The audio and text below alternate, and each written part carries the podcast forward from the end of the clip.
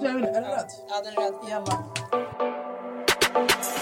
حبيبي انت يا غالي جاي احكي لك حكاية خبرك عن حاله وعن حالي حبيبي انت يا غالي Miss Jesso är idag 26 år gammal. Hon är uppvuxen i en förort i Stockholm.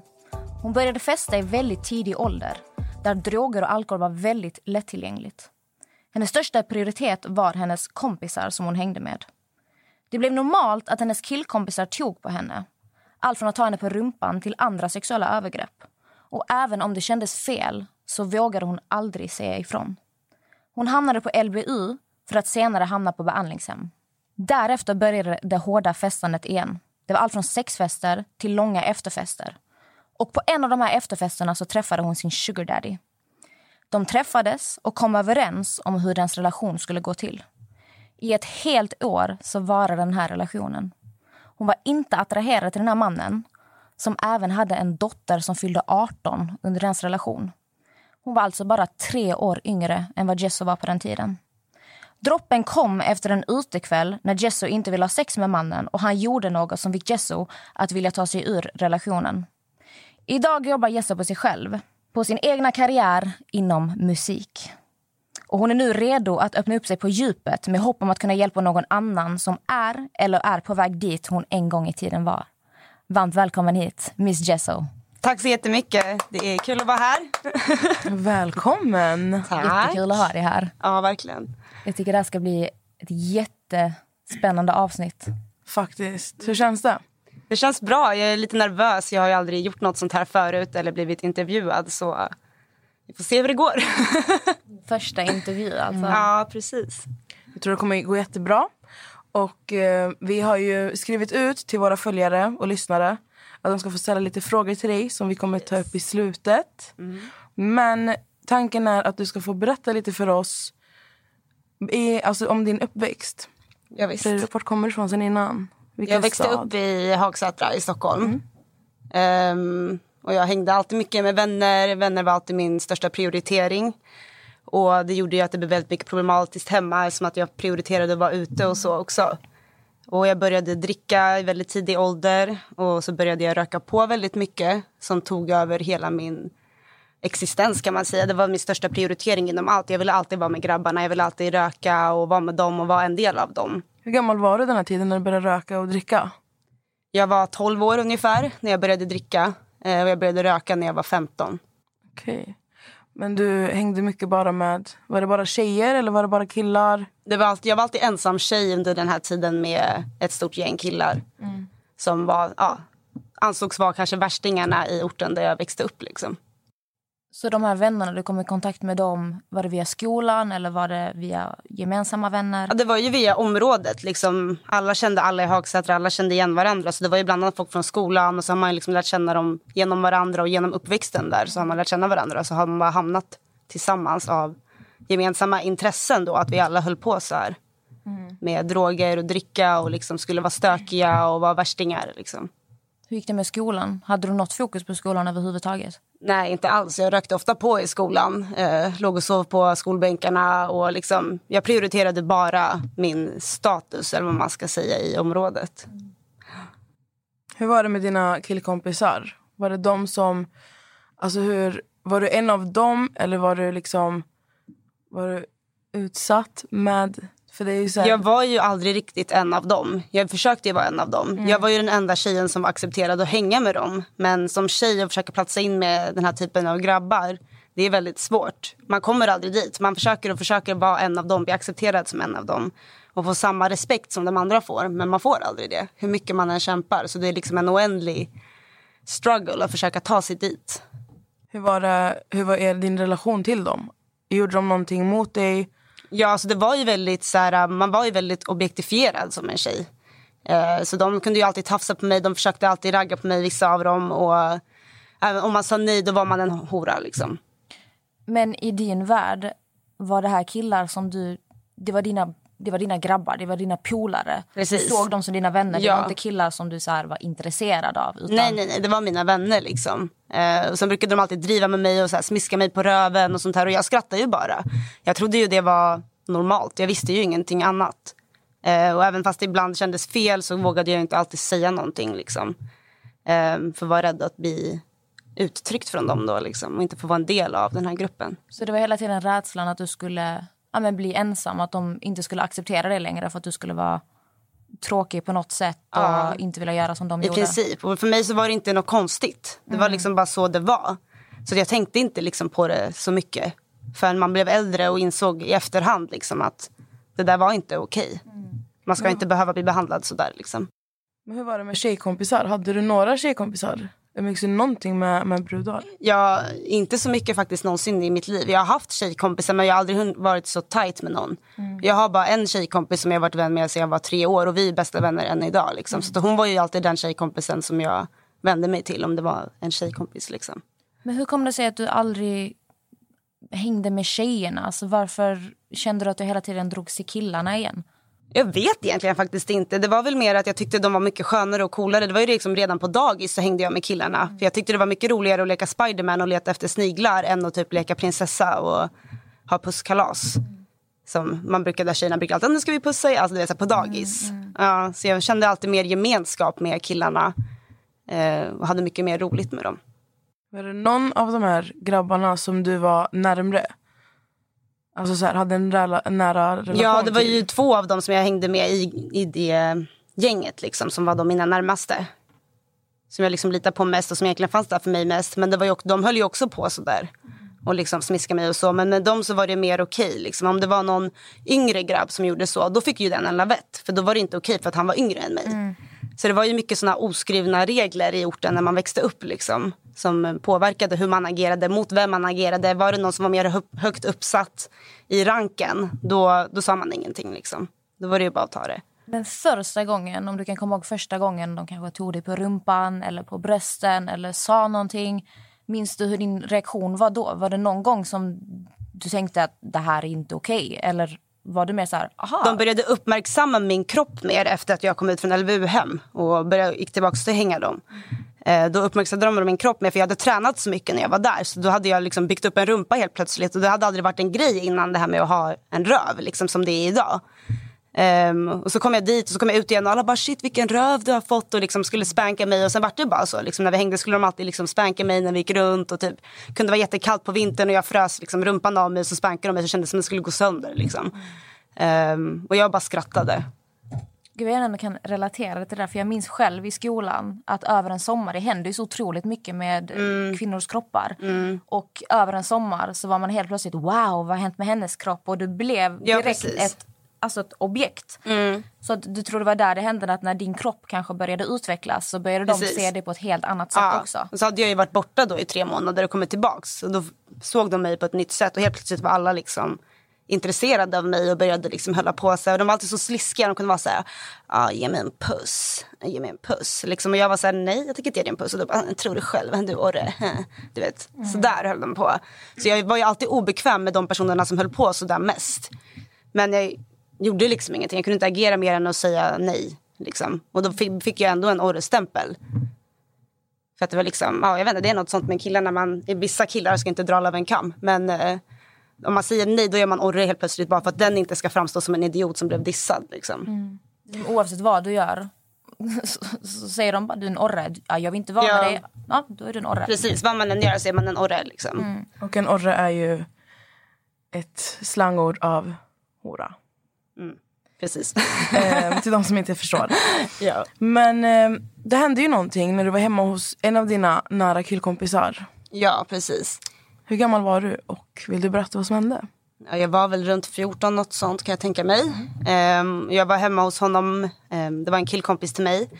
Eh, och hans familj var väldigt, de var narkomaner och alkoholister och för mig i den kretsen just då var det jättehäftigt att hänga där.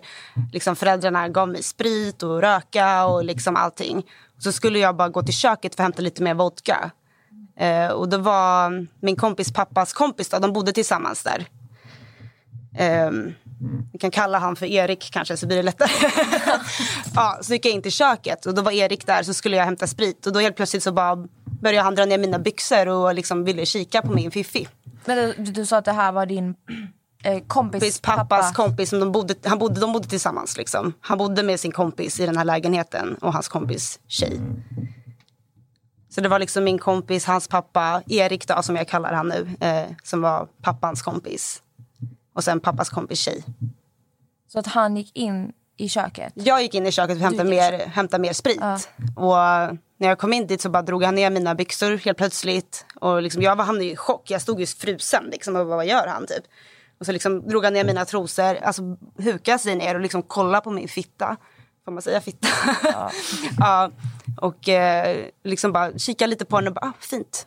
Och bara drog upp mina byxor igen typ. Så jag stod ju där liksom så chock och bara, Fy fan jag kände mig så förnedrad och bara 14 jätteobekväm. år gammal. 14 år. Ja, jätteobekväm. Gick den in i rummet. Liksom, jag vågade inte säga någonting direkt för att han var ju där och jag var rädd för att skapa en scen att det skulle bli, no- hända någonting där, liksom, någon bråk eller något. Så Hur jag berättade ju efterhand. Hur gammal var han? Förlåt. Den här mannen. Han måste ju varit typ 40 någonting. De var ju äldre, liksom. det var ju hans föräldrar. De var ju samma ålder som hans pappa. Liksom. Men vad gjorde, du, alltså, vad gjorde du efter den händelsen? Sa du Efter det någon- så ville ju inte jag direkt hänga där någon mer. Men jag berättade ju vad som hade hänt. Men det var ju liksom ingen som riktigt reagerade på det. De sa ju typ, ja men oj. Det var ju, det var ju inte bra typ. Liksom.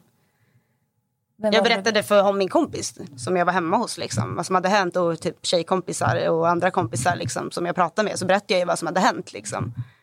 Och folk tyckte ju, folk reagerade inte så starkt som man kanske borde gjort. Utan det var mer så här, oj, Berättade du för dina föräldrar? nej. Hur, hur har din relation till din, alltså till din familj varit? Alltså egentligen så har den varit bra. Det var mer jag som var liksom, ja, den typiska tonåringen och var väldigt trotsig. Jag ville gå min egen väg, jag ville inte lyssna på dem. För, dem, för mig var de bara något som stod i vägen för min frihet. Eh, jag kommer ihåg att jag skrev till och med en låt när jag var liten som hette eh, Fri som en fågel fast jag sjöng att jag skulle vara fri utan föräldrar och ha massa pengar. Och liksom, då skulle jag vara fri om jag inte hade mina föräldrar och hade pengar. Typ. Eh, Så det var ju det som påverkade mycket och att jag, mitt fokus var inte min familj. Jag såg att familj var aldrig viktigt för mig. Det var bara ett hinder. Jag förstod liksom inte riktigt eh, att de var människor, att de hade känslor och vad jag gjorde påverkade dem liksom och hur de mår. Och liksom varför de reagerar som de gör. Så att jag fortsatte ju bara hålla mig borta från dem och det slutade ju med att jag började rymma hemifrån och höll mig borta väldigt mycket och bara ville göra mitt race. Alltså, jag vill bara gå tillbaka till det här övergreppet som du blev utsatt för när han drog ner dina trosor. När du berättade det här för dina vänner, blev du någonsin ifrågasatt om du talade sanning eller om du ljög? Jag tror inte, inte rakt ut till mig så vart jag inte det. Utan de mer bara pratade bort det som att det inte var värsta det- grejen som hade ja, hänt. men i princip.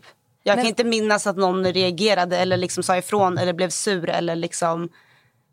Men vad tänkte Något du då? sånt. Alltså, tänk, alltså om du tittar, tänker tillbaka på det, tänkte du då ah, men det kanske inte var så konstigt? Eller det är så här man gör, är det här normalt? Jag vet inte riktigt exakt vad jag tänkte men jag, kände, jag kommer ihåg att jag kände mig väldigt förnedrad och jag vill ju inte gå dit igen. Jag vill inte vara med den, jag vill inte hamna i ett rum ensam med honom igen för jag vet ju inte vad som skulle hända då liksom. Jag skulle kunna bli våldtagen, vad som helst. Men fortsatte du den kvällen? Fortsatte du kvällen alltså med dem? Eller gick du hem direkt efter? Nej, jag fortsatte nog kvällen där. Och fortsatte dricka och låtsades som ingenting hade hänt. Jag sa ju ingenting den kvällen. Jag var ju i chock själv. Liksom. Och jag visste inte riktigt hur jag skulle reagera. Har du något minne av hur han var fortsättningen av kvällen? Om han gav dig konstiga blickar eller om... Det, det minns jag att han gjorde. Att han blickade mig och så. Och sen efter den kvällen, jag tror att jag sov där. Men jag sov ju med min kompis då. Och sen kom jag aldrig tillbaka hem till dem liksom. Jag tycker det är så hemskt för att du var så ung och blev utsatt för den här sak av en, alltså en vuxen man som ändå är din väns pappas vän. De här vuxna, det är de som ska få dig att känna dig trygg. För man utgår ju mycket från att när du är yngre att ah, men de vuxna Typ, om, om min pappa säger att det är okej så är det okej. Mamma säger att det är okej då är det okej. Att det här är dina trygg, din trygghet, ska det ju vara. Och när din trygghet istället sviker dig på det här sättet och folk omkring inte ens reagerar när du försöker berätta det för någon det blir nästan som att det blir normaliserat i ditt huvud att ah, men, det var kanske inte så konstigt. Kanske är det jag som överreagerar. Det här kanske är normalt. Precis. Men att det kanske ändå sätter sig inom dig för det är ju Ja, ett övergrepp. precis. Det är ju jättehemskt. Ja, alltså jag mår ju dåligt även idag när jag tänker tillbaks på det och liksom hur jag kände mig. Hur jag kände mig liksom hur jag bara krympte och liksom bara kände att jag blev tyst. Och liksom, jag minns att jag var ganska tyst resten av kvällen. Liksom, och bara drack och alltså, försökte play it cool. Men ja, det har ju ändå gjort en påverkan på mig. Liksom. Det är så vidrigt. Jag tror det är så många tjejer som också är med om att många har nog blivit utsatt för väldigt mycket saker som man inte vågar riktigt säga högt. Nej.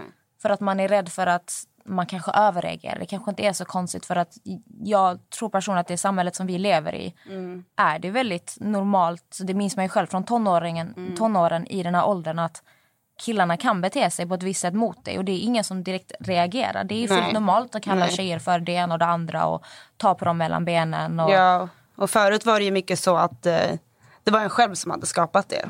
Det var alltid tjejens fel. Det var alltid hon som hade typ på något sätt gjort sig villig.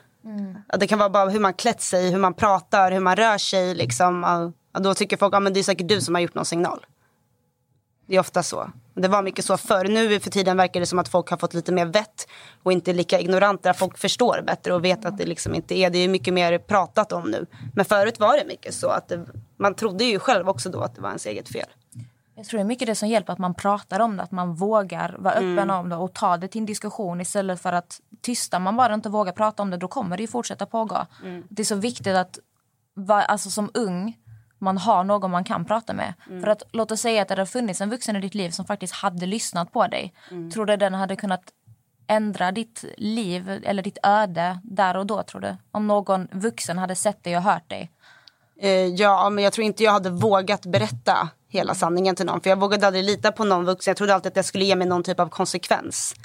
Att jag skulle få något problem för det. Jag trodde aldrig jag, jag, trodde aldrig jag kunde berätta någonting utan att någonting negativt skulle komma. Liksom. Så att, eh, ja, jag vet inte, jag tror inte om det hade hjälpt just då med hur jag tänkte just då, ifall det hade hjälpt eller inte. Men det hade ju säkert gjort någon typ av annorlunda påverkan. Men försökte du efter den här händelsen, du var 14 år, alltså jag tänker bara på hur, hur fucking ung man är. Alltså man är ju helt sårbar. Och, alltså man håller på att växa och allting. Och det är som du säger, man, man vet inte vad man kan lita på. Alltså vänner, vuxna. Det är så mycket som pågår. Men om, du, om du tänker tillbaka. Har du något minne av att du, eh, du ville få någon, alltså du ville prata med någon? Du ville att någon skulle veta vad som har hänt för att kunna hjälpa dig? Eller ville du bara Jag ville nog mer bara glömma och gå vidare. Jag, var, jag gillade inte att prata om sådana saker. Jag vet inte riktigt varför men jag tror att det handlar mycket om skam. Att man skäms. Eh, och man vill inte att folk ska kolla på en på ett konstigt sätt. Som eh, man tror att de kommer göra om man berättar att något sånt här har hänt. Liksom. Men tänkte du någonting när ingen av dina vänner reagerade? Och speciellt den vännen du var hos. Där det hände.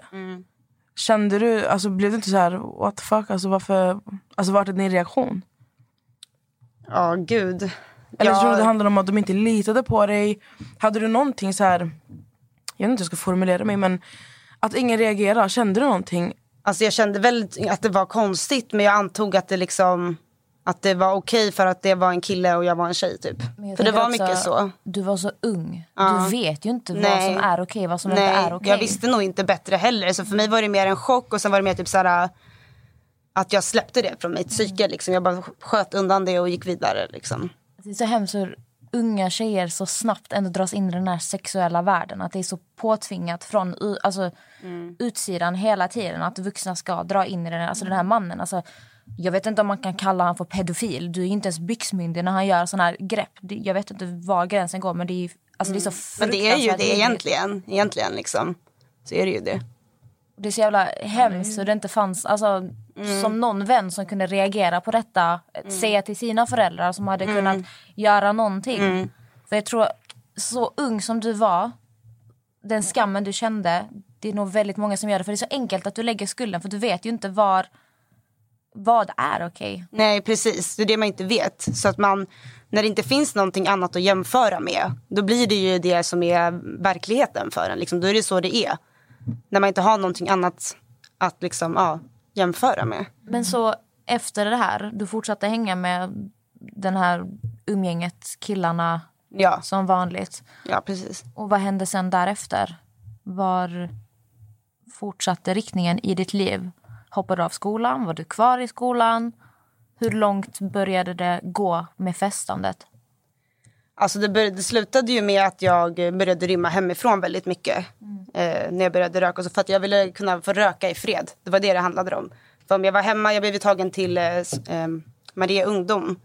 Bara typ tre månader in på att jag började röka. För det började spridas ett rykte i min skola om att jag röker. Och då hade de målat upp det som att det var jag, Jessica och de som rökte. Liksom. Och så blev vi alla kallade till eh, kuratorn för ett möte. Och en dag i skolan sitter jag i klassrummet så kommer det in civil, civilpoliser i klassrummet och griper mig. Och tar mig till stationen, tar mig på piss och förhör och allt möjligt liksom, där jag får prata. Och då i förhöret så berättar de ju hur det har målats upp som att det är jag som har fått alla att börja röka. Att det är jag som är bad boy i, i det hela liksom. Men egentligen var det ju tvärtom. Men då var det ju för att de andra, mina killkompisar i det här eh, förhöret hade målat upp mig som offret. För att jag var ju lättast att lägga blamen på för att jag var tjej. Hur gammal var du under den här händelsen? Jag gick i nian då, så att då är man väl 15 ungefär. Det var ju strax efter jag började röka då liksom. Och efter det så fick jag ju gå och lämna pissprov och så. Och sen ville inte jag lämna pissprov, jag ville ju röka i fred liksom. Så jag började rymma hemifrån, först kanske en vecka, två veckor. Så kom jag hem igen, hämtade kläder. Och sen slutade det liksom med att jag till slut rymde hemifrån i tre månader. Och då levde jag som hemlös i tre månader. 15 år gammal. Så Men- jag, eh, ja, jag gick runt på gatorna. Jag hade, en stund så hade jag en person att sova hos som jag sov hos. Men eh, sen förlorade han sin lägenhet för att han hade weedplantor hemma. Då vart vi båda på gatan. Eh, och sen började vi sälja knark på Plattan. Och så här för att klara oss, för att kunna köpa mat för dagen. Vi snattade allt vi behövde, kläder, allting liksom. Vissa dagar hade vi ingenstans att sova. Så Förlåt, att vi, hur gammal var den här eh, mannen du bodde med då? eh, han var nog runt i 20-årsåldern. Och du var 15? Ja, precis. Jag hade lärt känna, träffat honom på Plattan genom eh, en eh, tjejkompis. Så att när jag inte hade någonstans att ta vägen så kom jag på att just det, han brukar ju stå där. Så då gick jag dit och så väntade jag in att han skulle dyka upp och det gjorde han. Och så höll vi ihop ett bra tag liksom. Var du kär i honom? Nej, jag var aldrig kär i honom. Vi gjorde, han och jag gjorde aldrig någonting sexuellt. Utan det var bara... Vi, bara, vi fanns där för varandra båda två på gatan liksom. Så att det var verkligen bara så här stöttande relation. Och ja, vi började sälja knark tillsammans på Plattan. Liksom. Jag brukade ha min bh full med knark så gick han och pratade med någon och så gick jag fram dit och lämnade det. Liksom. Ehm, ibland hade vi ingenstans att sova. Ehm, vi sov på centralstationen kommer jag ihåg, på bänkarna. Och då kom alltid någon väktare och sa till mig att nej du får inte ligga här och sova. Så då fick jag sitta upp och sova. För det var enda platsen jag kunde sova på, jag hade ingenstans att ta vägen. Men dina föräldrar, alltså, reagerade de inte på att du var borta? Jo, jag var ju efterlyst. Jag var ju efterlyst som att jag varit borta så länge. Eh, De var ju superoroliga. Min pappa hade ju varit och letat efter mig varje dag. Och liksom, alla, de bara gick och letade efter mig hela tiden. Men jag höll ju mig borta från mina vanliga områden då. För jag hade ju lärt mig från de gångerna innan jag rymde hemifrån. Ett poddtips från Podplay.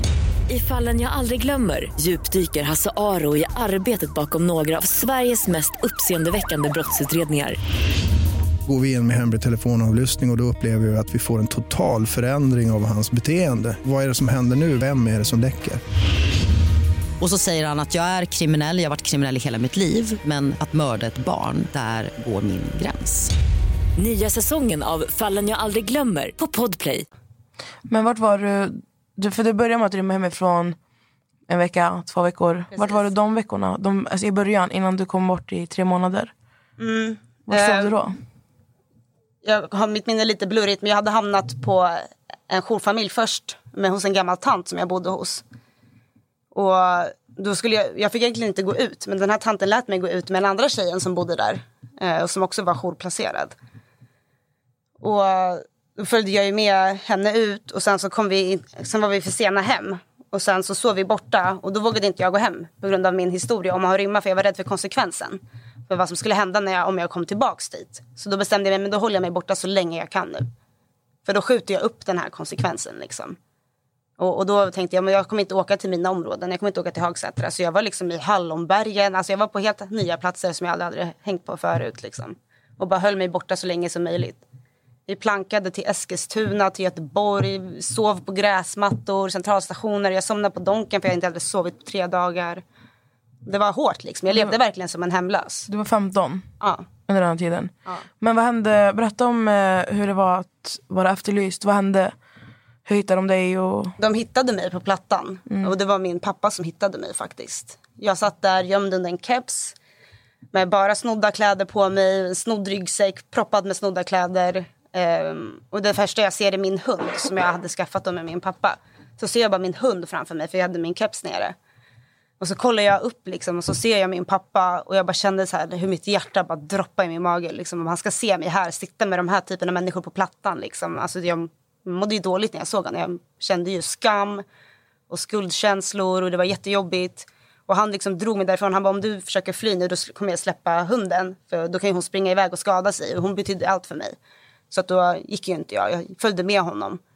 Så tog han mig till eh, väktarna vid tunnelbanan och sa det här är min dotter, hon är efterlyst. Och då tog de in oss i något litet rum där vi fick sitta och vänta på polisen och det var jättejobbigt att sitta där inne. Eh, liksom min pappa sitter där, jag har varit borta, jag vet vad jag har gjort. Liksom. Han har ingen aning om vad jag har hållit på med när jag varit borta, vad jag liksom har varit någonstans eller någonting. Och jag bara sitter där och skäms, jag vågar inte säga någonting. Liksom. Var du påverkad när han, när han kom och hämtade dig? Ja, ja, jag var ju påverkad konstant.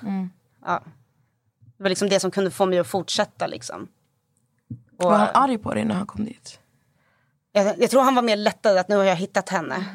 Och sen kom ju polisen och liksom tog mig i varsin arm, drog mig över hela plattan. Alla såg mig som var där liksom bortsläpad till en så här, stor piketbil.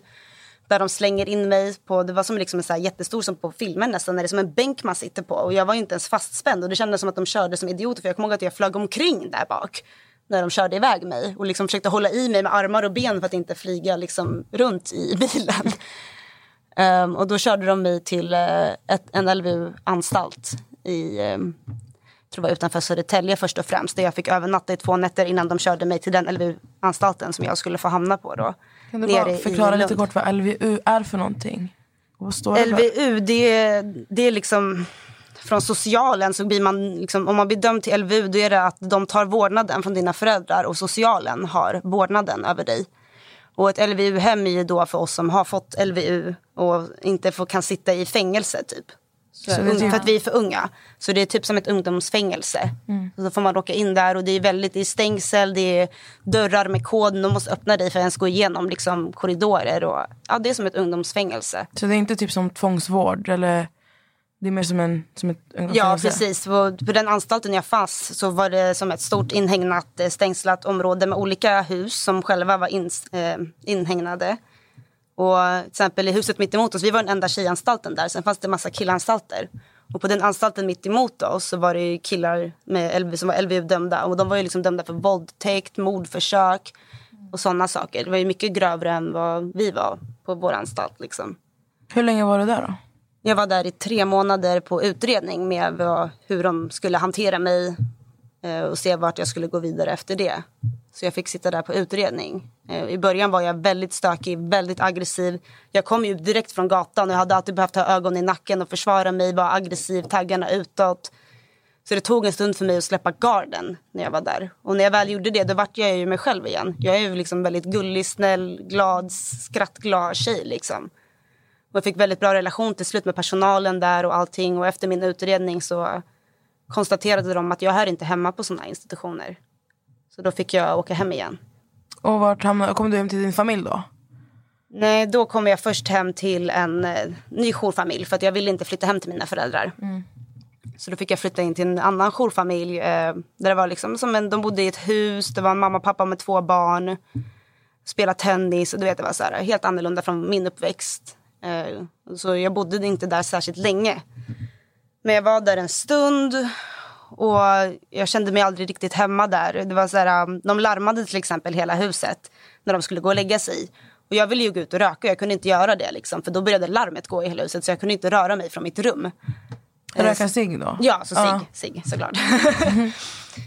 um, och sen till exempel en gång så var jag hungrig så jag gick in i kylskåpet så här, och skulle ta någonting att käka och då jourmamman var i telefon. Men jag märkte att hon kollade lite konstigt på mig. sen när jag gick och hämtade mat så värmde jag det och bara ville käka. Så när jag hade pratat klart då kom hon liksom ut och bara vad, vad tog du i kylen? Liksom, jag, bara, men jag tog lite rester, jag var hungrig. Så här. Hon bara, ah, det där har jag sparat till min dotter. Liksom, så jag fick ju liksom inte ens ta mat när jag kände för. Jag fick bara äta när de gav mig mat. Och jag fick liksom inte vara själv i huset. Så att eftersom att jag inte pluggade eller gjorde någonting riktigt då. Eh, så när barnen var i skolan och de var tvungna att gå och jobba, då var jag tvungen att följa med dem till jobbet och sitta där liksom och uggla.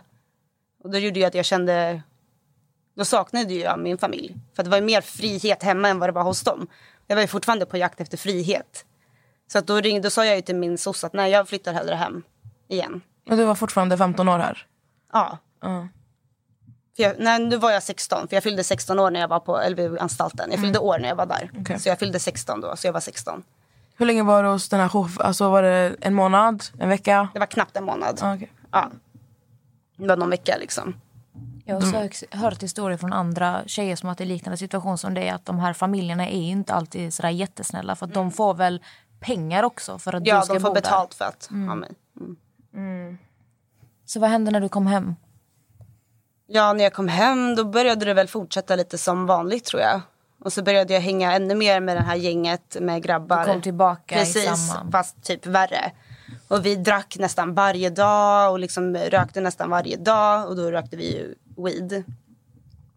Um, och så blev jag tillsammans med en av de värsta killarna eh, från gänget. Liksom. Den som de var mest rädda för, den som alla hade respekt för. Liksom. Och han behandlade ju inte mig heller särskilt bra. För att han hade ju sin eh, image som han ville måla för grabbarna. Så han var ju aldrig snäll eller gullig mot mig framför dem. För att han ville inte måla ner sin machofasad. Um, så han kunde ju behandla mig väldigt illa. Liksom. Jag kommer ihåg en gång så började jag skratta åt någonting som han inte tyckte var passande. Och då ställde han sig upp och spottade mig rakt upp i ansiktet. Och jag ställde mig upp och spottade han rakt tillbaka. Och ingen liksom gjorde någonting när han behandlade mig sådär. Han kunde liksom bara trycksparka mig i magen från ingenstans framför folk. Och liksom så här, jag bara, vad gör du? Och alla stod där och bara låtsas som ingenting. Um, och jag var ju helt besatt av honom. Jag försökte göra allt för att liksom nå hans krav. Om han sa till mig, du är fin i lockigt hår. Då lockade jag håret varje dag. Han sa till mig en gång, liksom, ah, det skulle vara snyggt om du hade ah, jeansjacka med jeansbyxor och bruna boots.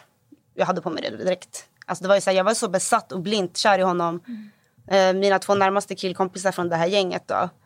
Eh, de sa ju till mig flera gånger, Jessica du är blind. Du är blind. Du ser inte vad han gör mot dig. Han behandlar dig som skit. Men de, men de sa det bara till mig privat. De, de agerade aldrig mot honom eller sa till honom att det han gör är fel.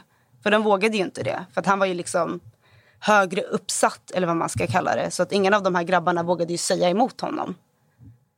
Hur länge var ni ihop? Vi var nog ihop i ett halvår ungefär. Men hur, alltså, hur mådde du under förhållandet? Kände du att Jag, du... jag vet inte, jag tappade väl mig själv skulle jag säga. Också. Blir det inte mycket... Du söker ju så mycket efter hans bekräftelse. Du gjorde ju alltid din max för att han skulle tycka att du var fin och få höra att han tyckte du var vacker. Men när du väl får den bekräftelsen, det är ju som ett lyckor ska jag tänka mig för dig. Så att Precis. allt det här andra han utsätter dig för, det är som att din hjärna nästan blockerar. Precis. Du inser inte själv Ja. vad han gör mot dig för att du är så fast vid att jaga det här ruset som han ger dig hela, hela tiden. Precis. Och det tror jag, jag tror, det du berättar, det är ju ett jättedestruktivt förhållande och det är otroligt hemskt. Mm. Men det är så svårt för folk som inte har varit i ett sånt förhållande att förstå hur Fast, svårt det faktiskt är att komma därifrån. För det mm. Man blir ser som inte flaggorna, liksom. man ser inte de röda flaggorna för att man vet ingenting annat. Man vet inget bättre. Och sen när ingen annan reagerar eller säger ifrån till honom och liksom låter han bete sig som han gör. Då vet man inte riktigt vad man ska göra. Nej. Och jag ville ju bara att det skulle bli bra hela tiden. Jag ville ju bara kämpa för oss liksom. Och det var ju bara, det var ju bara, det var ensidigt. Liksom. Han sket ju totalt i mig. Kände du någon kärlek från hans håll? Om du tänker När vi var ensamma. Det var ju då han var den som jag egentligen tror att han egentligen är. Men jag vet ju än idag så går han ju runt där i centrum. Så att det blev ju aldrig någonting av honom. Han är fortfarande den personen som, som håller sin macho-image. Så det var ju jobbigt. Och till slut så, eftersom att jag fortfarande misskötte mig och allting så bestämde de sig för att skicka mig på behandlingshem. Eh, och meningen var att jag bara skulle vara där i en månad eller någonting för att komma ifrån allting. Men jag var ju så rädd att förlora honom för jag visste att inte jag där fysiskt så kommer han glömma bort mig. Så att jag fick ju chansen att um, jag skulle få börja gymnasiet i Flemingsberg. Eller jag, ja, jag åkte till Flemingsberg och sen därifrån skulle jag åka till Huddinge där jag skulle gå gymnasiet. Och när de skickade mig till Stockholm på egen hand, liksom, jag åkte ju inte till gymnasiet. Jag åkte direkt till honom. För att liksom, ha, jag, ville, jag ville inte släppa det. Liksom. Jag ville ha kvar honom. Jag ville inte förlora allting som jag hade kämpat för. Liksom. Eh, och då var det ju så att varenda gång de skickade mig så höll jag mig borta tills polisen kom och hämtade mig hem, hemma hos honom. Liksom. Hur hittade Eh. polisen dig? De misstänkte ju vart jag var. alla visste ju att jag var besatt av honom och att jag definitivt var där. Så att de, de gick direkt dit och knackade på dörren och vi öppnade inte och de bara Jessica vi vet att du är där. Och så Så fick då- jag skämmas framför hans föräldrar och allting liksom och dra iväg mig därifrån. Ja, så han bodde med sina föräldrar. Ja precis. Hur gammal var den här killen? Eh, han var bara ett år äldre än mig. Så vi var ju Gick han, inte, han gick inte heller i skolan eller? Jo, vi gick ju i, vet, eller just då gick han kanske inte i gymnasiet tror jag. För då hade vi slutat högstadiet tror jag. Det är lite oklart, det var länge sedan. Och det, jag var ju mycket knarkande och festande som har gjort att det blir väldigt dimmigt också. Men vad hände efter polisen kom och hämtade dig från honom? Ja, till slut så bestämde de ju, när de, de körde ju alltid tillbaks mig till behandlingshemmet hela Vart var vägen. behandlingshemmet? Det låg i Flen. Flen ligger ju typ, vad är det? En timme från Stockholm. En timme från... Ja. Jag tog körkort i Flen så jag vet mycket väl vad Flen är. Precis, det låg i Flen. Lite ja, ut på landet där, lite utanför liksom. Men det var, inte, det var i Flen. Ehm, så till slut bestämde de sig att nej du ska stanna här. Och det slutade ju med att jag fick vara där i ett år. Behandlingshem i ett år. Mm. Jävlar. Ja, 16 år. ja. Jag fyllde 17 där. Så att det är en födelsedag på en institut liksom. Hur, hur var det att vara där då? Hur mådde du? Vad hände? I början så var jag väl väldigt trotsig mot det. Jag ville ju bara därifrån, kände inte att jag hörde hemma där och liksom sådär.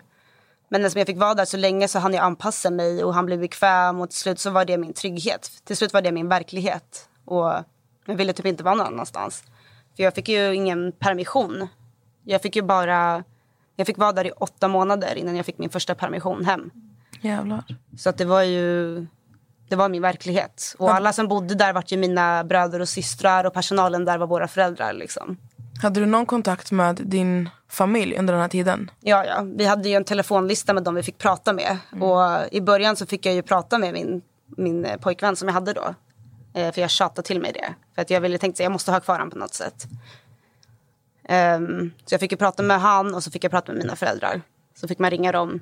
Ja, de kunde ringa dit och så fick man gå in i ett litet bås med en telefon och prata med dem. Liksom.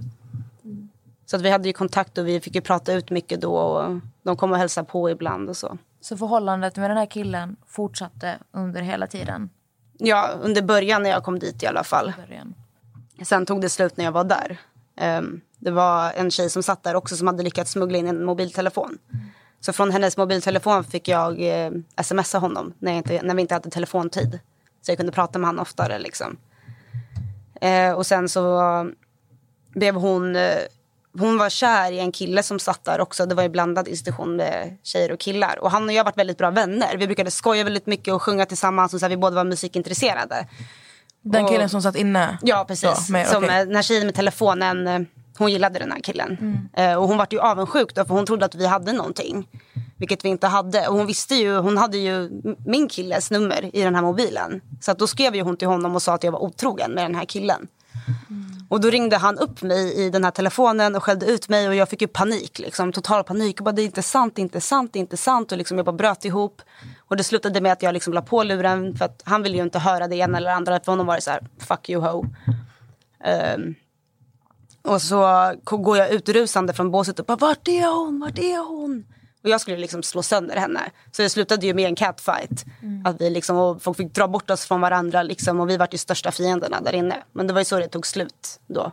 För sen eh, ville han aldrig höra från mig igen och han försvann från min telefonlista så att jag kunde inte prata med honom. Liksom.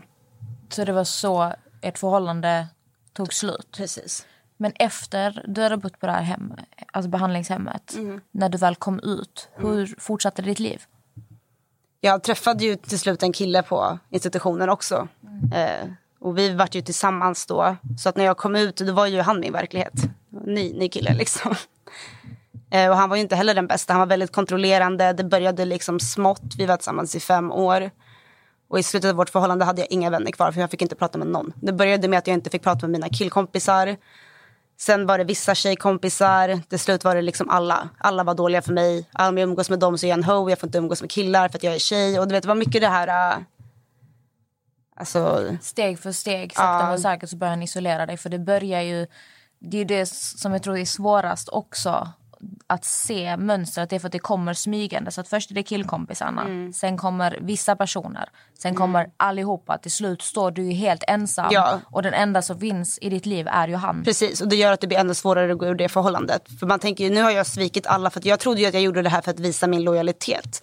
Jag trodde ju att det var det här jag behövde bevisa, bevisa för honom att liksom, det är bara du. Jag trodde ju att det var så här jag behövde göra. Nu idag vet jag ju bättre att det ska inte aldrig behöva göra så. Det ska aldrig behöva bevisa någonting på det sättet. En person som tar dig bort från någonting, det är inte, det är inte kärlek liksom. Nej. Men det är ju en del av den här kontrollerande perioden att han isolerar ju dig från omvärlden. Precis. Och, alltså, att inte kunna ha någon annan att prata om.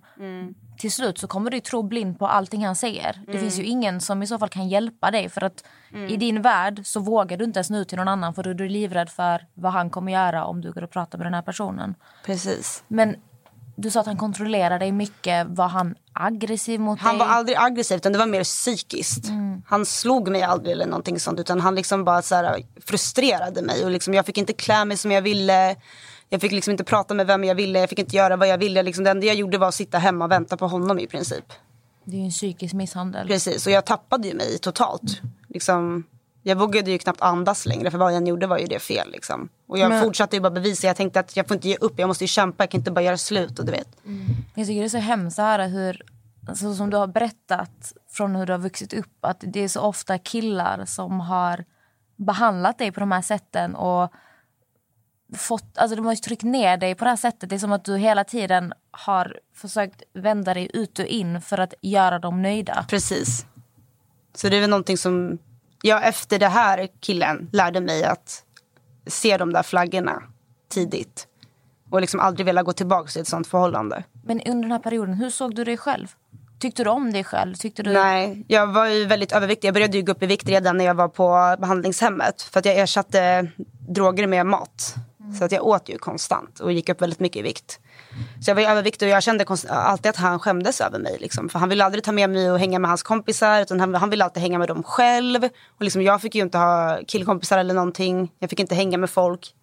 Och sen kunde jag liksom se bilder på Instagram där han typ står med två tjejer så här på någon ställe, någon fest typ och så här. Och, liksom, och om jag sa någonting då var liksom då tyckte inte han att han hade gjort någonting fel. Liksom. Det var bara jag som tjej som inte får göra sådana här saker. Liksom. Men bodde ni med varandra? Nej, jag hade egen lägenhet för jag fick egen lägenhet från SOS när jag kom från behandlingshemmet. Det var liksom en del av min behandlingsplan för att de såg det som en risk för mig att bo hemma för återfall. Så han bodde ju hos sin mamma liksom och så jag sov där ibland, han sov hos mig ibland. Så jag hoppades ju bara varje kväll på att han skulle vilja vara med mig, typ komma hem och sova hos mig liksom. Och jag fattar inte liksom varför han höll kvar mig egentligen för det kändes ju inte som att han älskade mig i slutändan. Under, men under tiden, kände du någon form av kärlek från hans håll? I små, små perioder. Men det var ju mest liksom att jag bara kände... Det kändes som att han var äcklad av mig liksom, på något sätt. Han ville ju inte liksom eh, vara med mig eller ha sex med mig. Eller, alltså, du vet. Kände, var det här under tiden ni var ihop? Ja. Och du kände så under, under tiden ni var ihop? ja, i början var det ju jättebra. Liksom, jättefint. Vi var, vi var helt förälskade och det kändes ju bra. Men det kom ju liksom pö om pö på smygande. Hur var det med alltså, missbruk och sånt den tiden? När du var med honom? Vi rökte ju på tillsammans. Och eh, han sålde ju weed. Och liksom, jag hade alltid det hemma hos mig och sådär. Liksom. Så han var ju ändå alltid tvungen att komma till mig för att hämta saker. Och det var där allting fanns och liksom sådär. Ah. Så han stashade allting hos dig? Ja. Han använde det? Okej. Lite Jag fattar. så. Fan vad äckligt. Ja. Mm. Av honom Och alltså. jag var ju liksom ännu en gång blint förälskad. Liksom. Hur gammal var han? Han var två år yngre än mig faktiskt. Din historia? På den tiden var det mycket större skillnad på det sättet. Så, ja. Ja, nej, jag förstår. Men Mm. jag tycker bara att hela det som Amelia säger, alltså, du har ju försökt göra allt. Alltså, Mm. Vi har inte ens kommit, kommit halvvägs in. Sorry. Och det, ja, men jag tycker bara det är hemskt. Alltså, Um, Men det är sämst alltså, du som ska ung säga, tjej och inte haft någon som har kunnat vägleda dig på något sätt utan du har ju gått in i de här destruktiva förhållanden och hela tiden försökt göra någon annan lycklig. Hela, hela tiden. Du har aldrig tänkt på men vad vill jag? Vem är jag? Vad är Precis. mina drömmar? Vad är mina mål? Du har istället vänt ut och in på dig och försökt anpassa dig efter folk omkring dig. Och de här människorna har ju förmodligen inte brytt sig ett skit om dig överhuvudtaget. Nej, obviously. du- Nu ser man ju det. Men då ville jag ju bara få det så som det var från början. Liksom. Jag kämpade ju så mycket och liksom försökte kompromissa men han möttes inte halvvägs. Det var ju liksom bara jag och jag var ju så frustrerad att jag tror aldrig jag skrikit så mycket i mitt liv. Alltså jag, jag var så frustrerad för det kändes som att det jag försökte säga var så logiskt men han kunde inte få in det i huvudet så att det slutade alltid upp med att jag fick utbrott. Liksom. Jag skrek så mycket att liksom polisen kom och knackade på för att grannarna undrade vad fan vi håller på med. Liksom. Och då hade jag typ råkat riva han i ansiktet så då fram, framstods jag som någon som misshandlade. Alltså, polisen gick undan honom och frågade om han ville göra en polisanmälan på mig. Men ändå höll det här förhållandet i fem år. Ja, Och du mådde, alltså, du mådde ju absolut inte bra de här fem åren. nej. Alltså Men- jag mådde jättedåligt. Så. Så du, du höll dig kvar för att du hade offrat så mycket för honom och du bara... Jag ville inte ge upp när jag hade liksom gett så mycket. Men så blir det inte nästan som att du blir nästan beroende av honom? Han Ja. blir ju slags hela din värld. Att, för det är det många får så svårt att förstå. Varför lämnar du inte bara? Varför sticker du inte bara? Han är inte snäll mot dig. Varför går du inte? Men jag tror inte folk förstår det här beroendet som du kan drabbas av. För jag till och med läst att det är möjligt att bli beroende av en människa. Och i din situation, vad du har gått igenom, du gör ju allt för den här människan. Och Det spelar ingen roll hur dåligt han väl får dig må. För att när han ger dig det här lilla, lilla Precis. bekräftelsen, det betyder allt för dig. Och han hade ju säkert sidor som var jättefina. Men som du hela tiden förklarar bort när han beter sig illa. Så du hittade ju ursäkter på kanske, kanske var det jag som gjorde någonting. Är det någonting jag kan ändra? Men det var många gånger som jag ville lämna honom och tänkte att jag skulle lämna honom. Och till exempel när jag började gymnasiet då pratade jag med mina klasskompisar dagligen om våra problem. Men de hade ju hört så många gånger att ah, nu ska jag lämna honom, nu ska jag lämna honom och dittan och datan. Ingen, jag kände liksom att de vill inte lyssna på mig längre. Jag behöver inte prata om det här längre för att jag lämnar ju aldrig honom. Jag lämnar han och sen går vi tillbaks. Sen lämnar jag honom så går vi tillbaks. Men hur gjorde ni slut på riktigt? Och hur gammal var du då när ni gjorde slut? För du var, ni var, du var 17 år när du blev ihop med honom. Ja, 16-17 så gjorde vi väl slut när jag var typ 20, 21, 22. Oj. Så bara Det säga, var ju alltså, fem år. alla som hör, som du säger att dina tjejkompisar de blir nästan trötta på att "Åh, du har ju sagt att du ska lämna honom hundra gånger, varför gör du inte bara? Men jag tror att det är viktigt som om du har en vän som är i ett sånt här typ av förhållande att man inte, "Åh, snälla jag orkar inte lyssna mer på detta utan att du hela tiden lyssnar och visar att du, jag finns här när du är redo. För att det är väldigt svårt att bara komma, nu gör vi så här och så här. Utan att det är bara viktigt att man som vän visar att jag är här för dig när du är redo. Jag finns här, jag har din rygg, jag kommer alltid stå bakom dig. Att man inte bara, "Aff, snälla håll käften. Jag, du är dum i huvudet som stannar. Att man, Precis. det är så viktigt som vän att man inte bara ger Men de var liksom, man märkte ju på dem att de var trötta på att höra mig säga samma sak hela tiden. För det märkte jag klagade. Det enda jag gjorde till mina kompisar det var ju att släppa ut allt det här som jag kände. Jag hade ju ingen annan att ventilera till. Liksom. Så, så fort jag träffade någon så pratade jag ju bara om det. Det var det enda jag pratade om. Men bara liksom. ett steg att prata om det, Ja. bara, det är ju jobbigt. Och sen Ja. när någon typ till slut börjar skjuta bort dig, då är det såklart att då kommer du fortsätta hålla det inom dig. Men det är så vanligt bland vänner. ehm, alltså att man, för det är ju som du säger, alltså man vill bara ventilera. Och det finns mycket, även om du har syskon, om du har väldigt nära relation till dina föräldrar, till vem den är. Man vill inte säga allt eller vad som helst till vem som helst. Och speciellt inte så här till sin familj tror jag. Så att, att ventilera till sina vänner, alltså det, då kan man ju säga precis allt. Och sen att bli, alltså vad heter det? Alltså de så här, Nej, att man inte vill Ja, lyssna. exakt, att de liksom. inte vill lyssna Man och att de, så här, de, de, de ger dig ett svar som att även om de inte säger bara deras, pratar med deras ögon eller deras kroppsspråk att du märker att de börjar bli irriterade då börjar man ju tänka då börjar man ju tänka att ehm, eller jag vet inte, jag, jag kan bara så, till mig själv, alltså gå tillbaka till mig själv att då blir jag så här, men gud är det något fel på mig? Ja, Alltså att man, man, man känner, jag har problemet just nu precis. Man känner sig bara jobbig. Ja. Så man slutar ju till slut att ens försöka ventilera om det. För man vet ju så, ja, men jag har sagt det här så många gånger och det blir ju aldrig av. Och liksom, det som räddade mig till slut var, han fick ju mig, den här barndomsvännen som jag pratade om, som jag har varit bästa vän med sedan jag var tre år. En, eh, min tjejkompis som jag fortfarande är bästa vän med idag. Han fick ju mig till slut att bryta med henne. Hon och jag hade inte snackat på ett år. Och jag trodde aldrig jag skulle få höra henne från henne igen. Och det gjorde ju ännu mer att jag stannade kvar. För att jag hade ingenting kvar. Ingenting. Jag Ja, hade då bara såg han väl henne som ett hot som skulle kunna ta... Ja, han lyckades till slut manipulera mig till att hon var en dålig person för mig. Liksom. För att hon skulle kunna hjälpa dig ur förhållandet. Precis, Precis. han visste ju det. Han var ju psykopat. Liksom. Psykopater vet sina vägar. Ehm, och hon kontaktade mig när det var som värst. Liksom. Så hörde hon av sig till mig igen. Och liksom det, det var det som var min räddning. För jag sa till henne, jag vill lämna det här. Och hon hade själv varit i ett väldigt destruktivt förhållande och kommit ut det. Så hon visste liksom att, hur det kändes och vad som behövs göras. Så jag behövde ju bli distraherad. Jag, för om jag gjorde slut med honom och han skrev ett sms till mig så var det kört. Liksom. Du behöver ju... Alltså, Ja, och jag klarade aldrig dras. av att liksom stå på mig tillräckligt länge för att det verkligen skulle ta slut. För att han var ju så här, jag går ingenstans, jag är kvar. Till slut så jag bara, ah, okej vi testar igen. Ja du vet, jag orkade inte hålla på. Så Så, att hon var ju tvungen att vara hemma hos mig. Hon satt i mitt kök när han var där och jag skulle göra slut med honom. Och han gjorde ju exakt den grejen. Han stod där och vägrade gå någonstans. Han stod där och bara, det är bara du din hora som påverkar henne. Du har manipulerat henne, började skrika på min tjejkompis. Och du vet, jag stod där.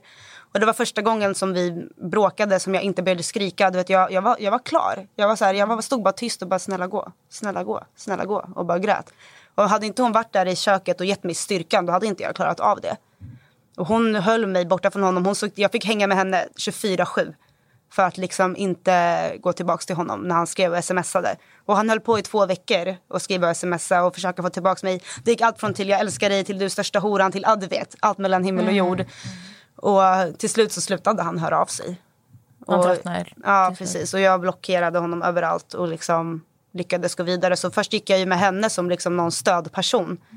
Jag var ju liksom helt utesluten från världen. Jag hade ju inte kunnat gå ut på krogen eller någonting. Eller liksom, jag hade inte fått göra någonting. Så att jag började ju gå ut på krogen då när jag var typ 21-22. Men vilken vän. Aha, Och hon hade verkligen. själv varit i liknande förhållanden. Ja, om inte värre. För jag tror nästan att Mm. för att ens förstå vad du gick igenom på den tiden eller ha förståelse då måste man själv ha upplevt det. Mm. För att då får du inte de här, men lämna honom bara, varför är du kvar? Utan du har någon som har din rygg och vet vad som Mm. krävs. Och hon förstod liksom varför jag försvann.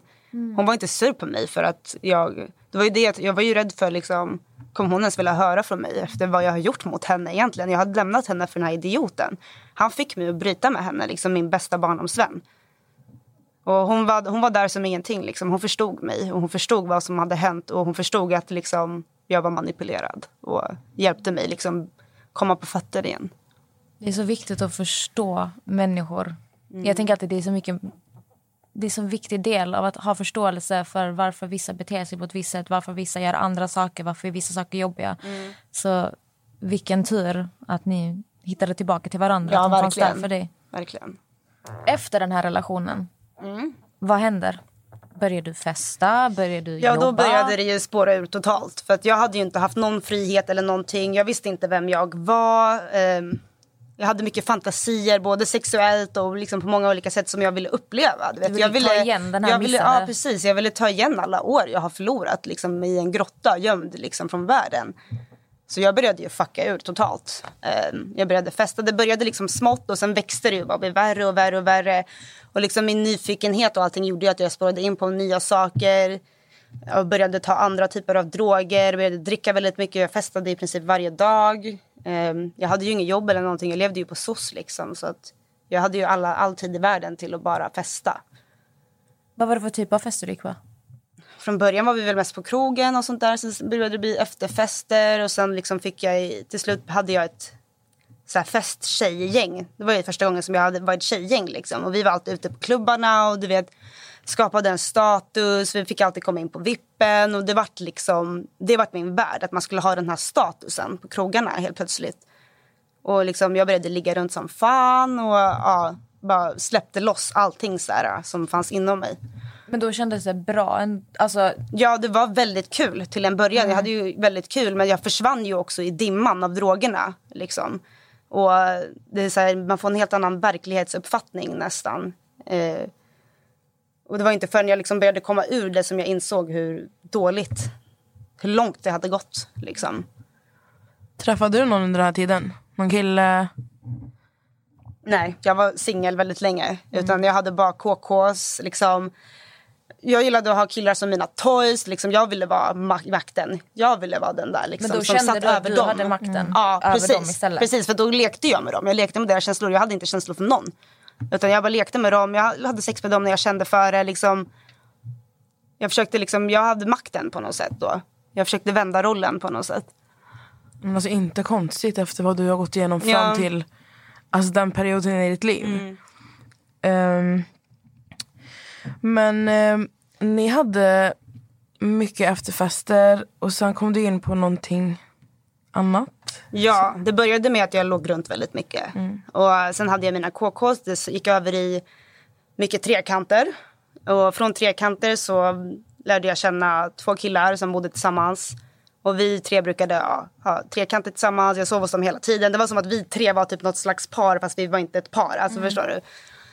Och vi ja, gjorde allt möjligt tillsammans och så slutade det med att eh, vi började gå på sexfester och sexklubbar och liksom, det var Vad- väldigt mycket sex. Vad är en sexfest? Vi bara, vad är det här? Sexfest det är väl typ en orgy. Alltså det är, det, är, det är mest par faktiskt. Jag, var på, jag kan ta exempel, jag var på en sexfest i Nacka. Det var ett par där med nyfött barn som bodde i ett hus med ett stort hus med pool och allting och så var det sexfest där. Så det var ju bara par förutom jag och en av de här killarna. Så du är hemma hos ett par? Ni, alltså hemma i någons Ja, hus? de har styrt upp den här festen liksom som var de hade som ett uterum innan eh, pool, eh, innan trädgården liksom. Eh, och det började liksom smått, alla var, de flesta var påklädda och vi började dricka liksom och så här. Och sen när folk började dricka så började man typ klä av sig och du vet så här, jag trodde typ så här, jag visste inte som jag skulle göra någonting för det finns ingen press. De, alla säger till dig, du behöver inte göra någonting om du inte känner för du kan sitta och kolla på. Liksom, om du känner så. Om du känner dig obekväm så behöver ingen tvinga dig göra någonting. Så det är ju det som gjorde att man kände sig trygg med att gå på det från hela första början. För att alla sa till henne att du måste ingenting. Du Men gör alltså, exakt det fråga, du känner hur- för. Hur, alltså inte för att jag vill, men hur, hur blir man bjuden på en sån här fest? Man måste ju känna folk som är inne i den här swingersvärlden. Och Skickar de här killarna var ju det som jag hade lärt känna som jag brukade ha trekant med, eller en av dem. Ehm, var ju inne i swingersvärlden och det var liksom, alltså det var vissa kända människor också som är swingers som, som är där med sin tjej. Det var någon så stor eh, motorsport eh, alltså racerförare som var där liksom. Och det som Svensk, är, eller? Ja, det, ja, och det alla sa liksom var typ så här att här så finns det inte pengar helt plötsligt för alla är nakna. Så man ser inte vilka kläder du har längre utan alla hamnar på samma nivå. Ehm, och så var det liksom, det mesta var ju par. De som bodde där var ju par. Och det, det sjuka var att de hade tvn uppe med så babycam på barnet som låg och sov i rummet när vi sitter där och har värsta origin. Och det tyckte jag var lite så här obehagligt. Att jag bara, det är en nyfödd bebis där. sure. Ja, så det var lite så konstigt. Men jag, jag var ju väldigt nyfiken och jag, var så här, jag ville verkligen prova min sexualitet. Och det var också typ en resa för att hitta sig själv.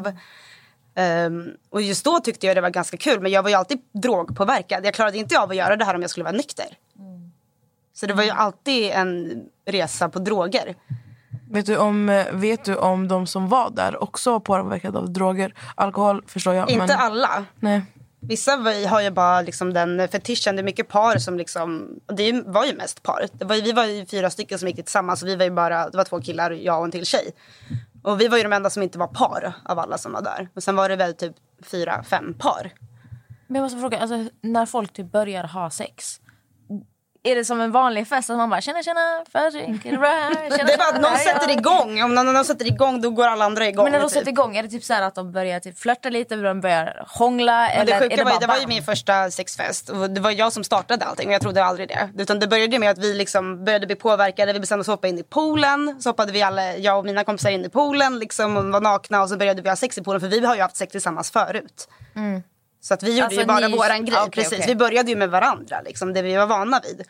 Och sen liksom så kom ju någon insmygande och bara, "Åh, här ska jag vara med liksom och bara, kanske börja slicka på en eller liksom. Men jag tänker så här, Sen eh, beslutade det bara med att det var som en hög av liksom nakna svettiga kroppar. Använder ingen något skydd?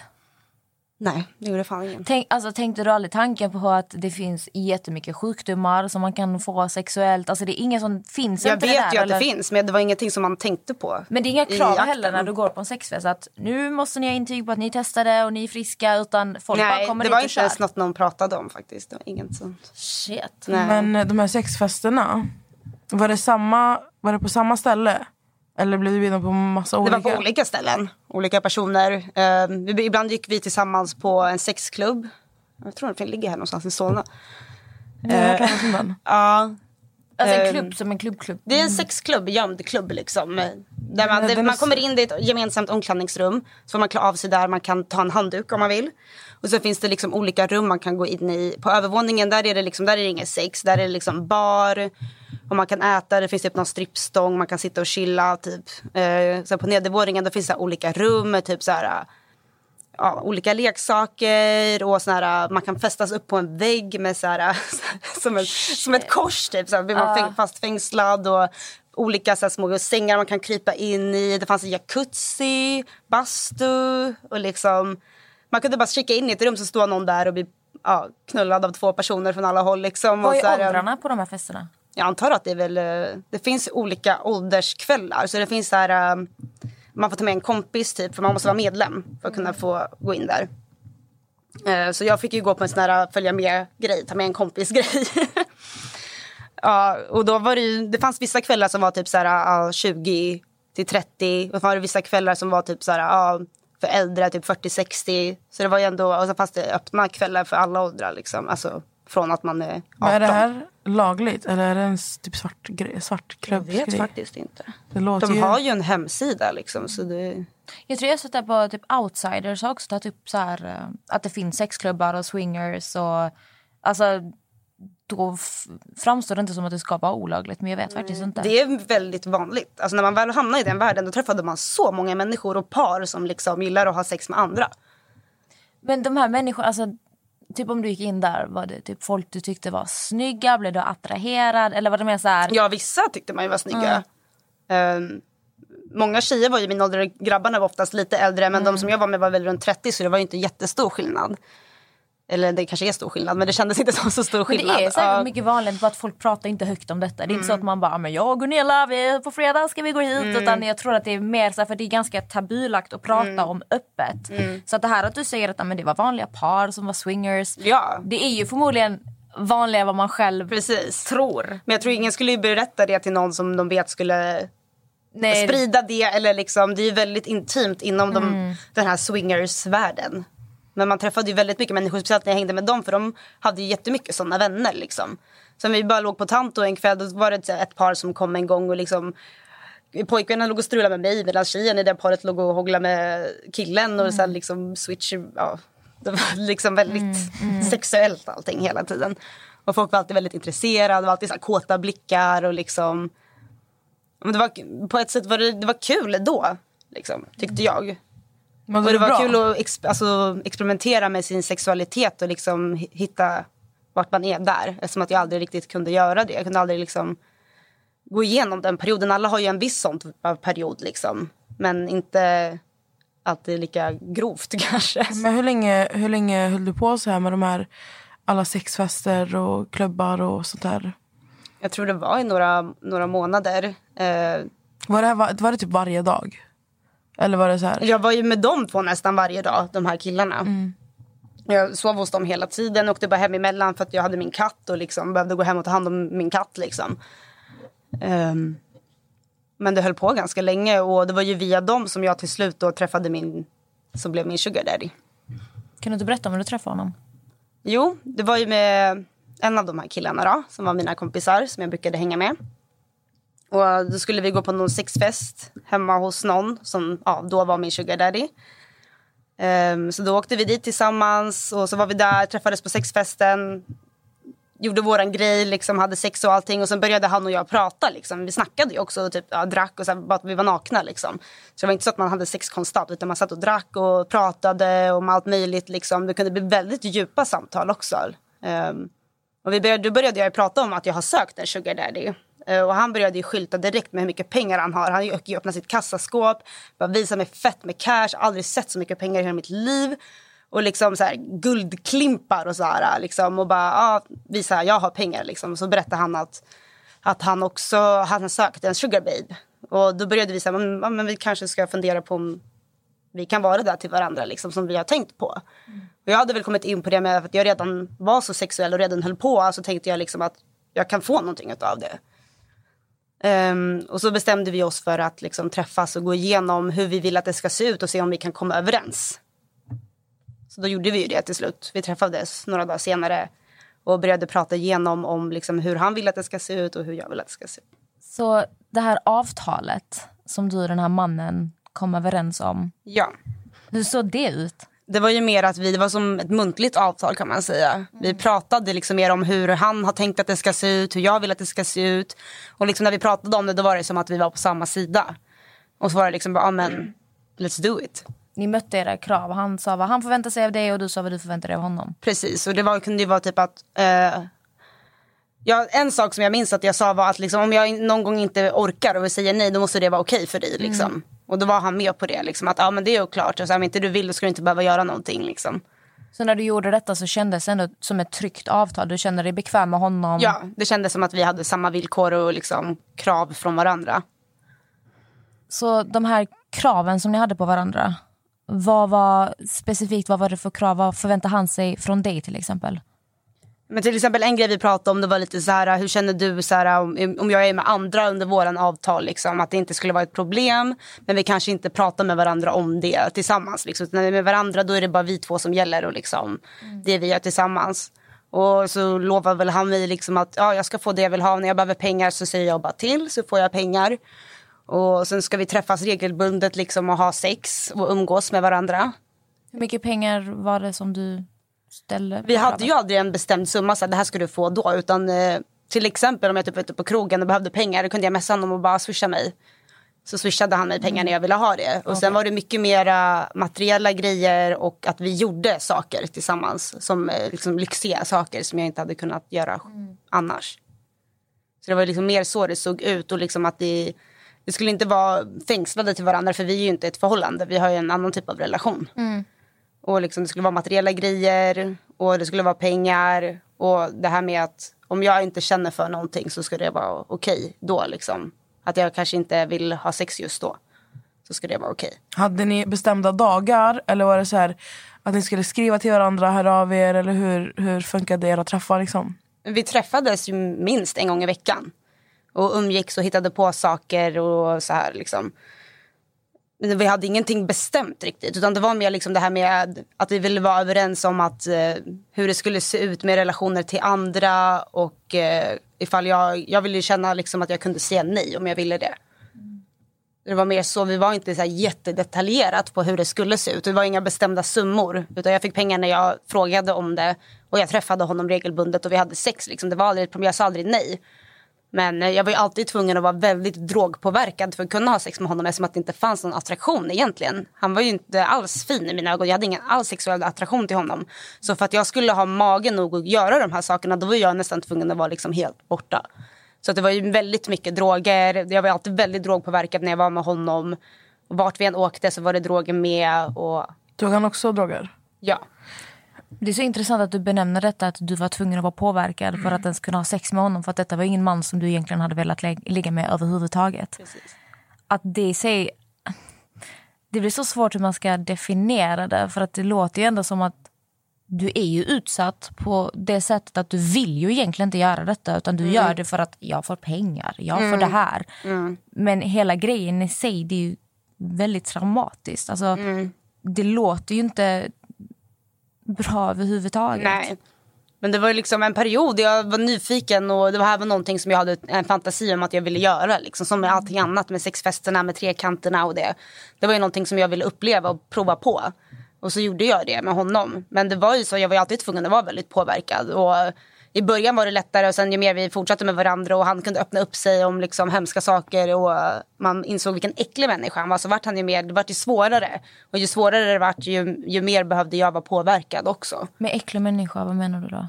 Nej, men han kunde berätta liksom, snuskiga saker från när han var yngre. Saker han har gjort mot eh, typ tjejer som var minderåriga och så här.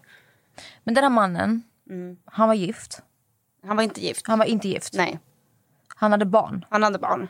En dotter, eller hur? Ja, bland annat en dotter som fyllde 18 då medan vi var tillsammans. Eller var tillsammans medan vi hade våran deal. Eh, och hon fyllde ju 18 då medan så hon, så hon var ju bara tre år yngre än mig eller någonting. Och det var ju lite skumt. Eh, och med tiden så vart ju han förälskad i mig och han föreslog flera gånger liksom att han ville vara med mig, jag ville ha något seriöst med mig. Och jag fortsatte förklara för honom att nej, vi har den här relationen och det finns inte sådana känslor. Utan vi har bara den här överenskommelsen liksom. Men han fortsatte trycka på det och han till, till och med berättade för sina barn om mig och berättade för mig att han hade berättat för sina barn om mig. Och att de tyckte det var konstigt att han var med någon så ung men så länge han var lycklig så var det okej okay, typ.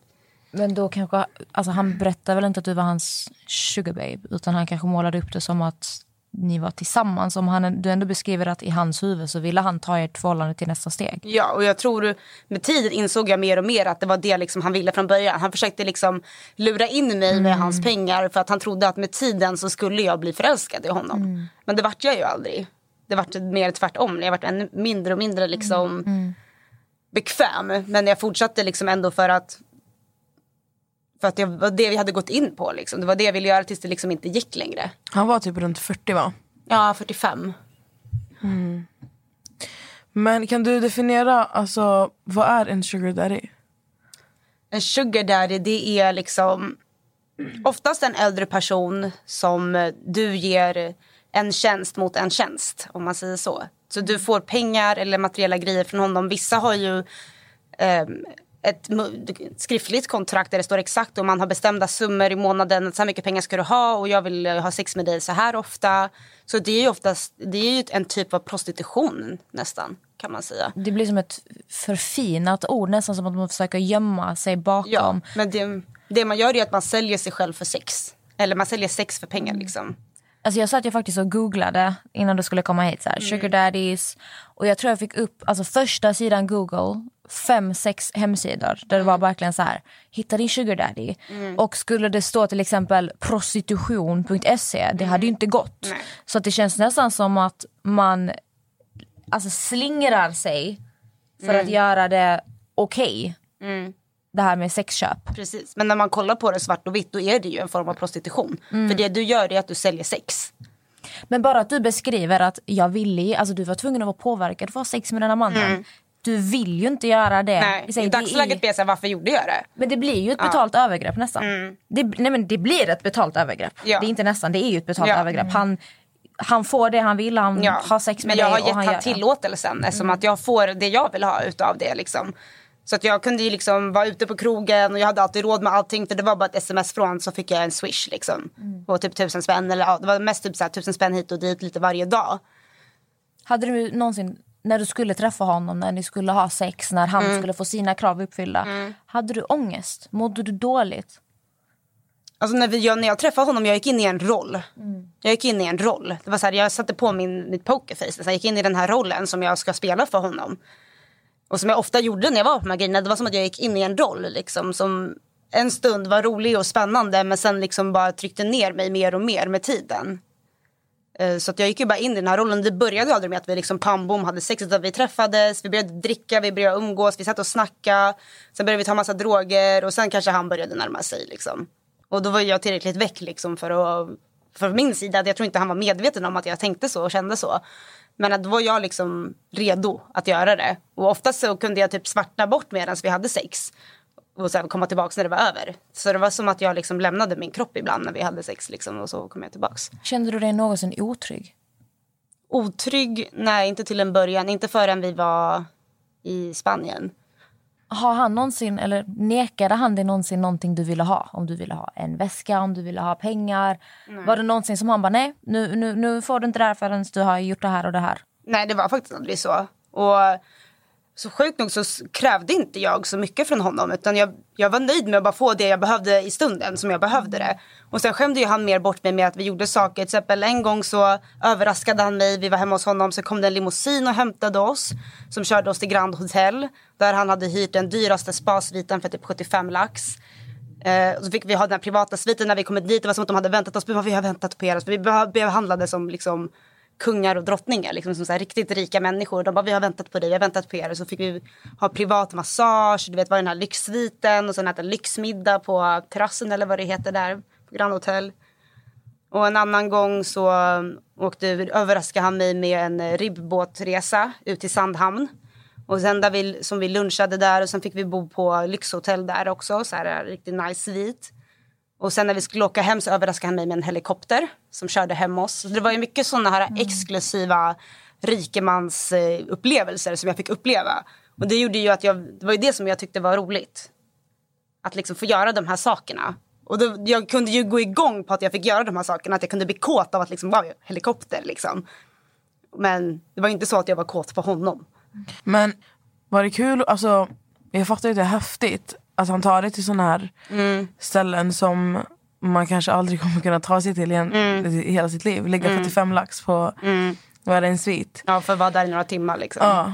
Men kände du någon gång så här, fan att jag är med han, jag borde vara här med typ någon annan. Men jag träffade ju andra när inte jag var med honom.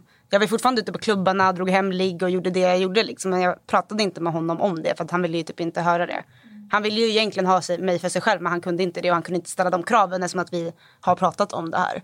Ja, men, ja jag förstår men jag menar mer typ helikopterresan eller på vägen hem. Eller den lyxsviten. Kände du någonsin så här fan att jag är här med han, jag borde vara här med någon annan?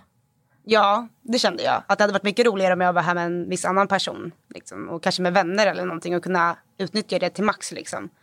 Skämdes du någon gång över att så här, du, du liksom vistades med honom? Du, alltså, du ser ut som hans dotter förmodligen för att han är 45 och du är 23. Ja, men folk fattade ju, tror jag. För man märkte ju på folk, de såg ju på mig, jag var, han var ju inte snygg om man säger så. Han, var, han såg ut som en lite så här snuskig gubbe liksom. Vilket han var. Eh, och lite så här tjock, ja, men du vet så här, han var inte särskilt attraktiv, Kan inte du för mig i alla förklara, fall. förklara lite hur han ser ut så vi kan få en bild? Det var lite så här flottig och du vet så här äcklig bara. jag vet inte jag ska förklara. Kropps... kropps eh, Ja, han var lite så här mullig och det är så här, um, män när de blir lite äldre om de inte tränar så blir deras hud väldigt så här lös. Så han var väldigt så här lös och eh, ja, han var inte snygg liksom. Han hade lite ölmage, han var inte vacker i ansiktet. Du ser lite äcklad ut när du förklarar. Ja, jag, han äcklar mig idag liksom, det är det. Eh, jag tyckte inte alls att han var snygg eller någonting utan det var ju bara för de här grejerna och typ för att alla, alla mina vänner såg ju hur- vad coola grejer jag fick göra och de var ju avundsjuka. Och de försökte ju också få kontakt med honom. De försökte typ ta honom från mig. Och då var ju jag sur liksom, för jag bara nej det här är min, ni får skaffa er egen liksom. Ehm, Men kunde han någonsin så här, eh, inför någonting ni skulle göra, till exempel eh, lyxviten. Mm. Kunde han köpa hem typ så här kläder eller outfits? Det här ska du ha på dig för vi ska gå iväg nu typ. han tog mig och shoppa. Liksom så att jag fick följa med och shoppa, fick jag välja vad jag ville ha. Sen en gång köpte han ett par så snygga märkesklackar till mig. Och så hade jag ju på mig det till exempel när vi gick till Grand Hotel. Så hade jag ju på mig, fick gick ju upp efter spa så bytte jag ju om och så gick jag ner på den här middagen. Så hade jag liksom den nya klänningen som han hade köpt till mig och klackskorna och Men han tvingade dig aldrig att så här, ha ta på mig den. ja. nej, nej, utan jag hade på mig det jag ville och sen gick vi och shoppade tillsammans och valde jag ut vad jag ville och han typ hjälpte mig. Liksom. Hur blev bemötandet från så här personal? För är så att folk fattar ju förmodligen vad det här var för någonting. Ja, de kollar ju lite konstigt men jag tyckte ju bara det var kul då. Jag var så här, hm, ja. Du vet, liksom bara, I got the power. Typ, jag kände ju fortfarande sådär att det är jag som leker med honom. Liksom att det är fortfarande jag som har makten. Jag, lur, jag utnyttjar bara honom på hans pengar liksom. Så jag kände ju fortfarande att det var jag som hade hand runt mitt finger liksom.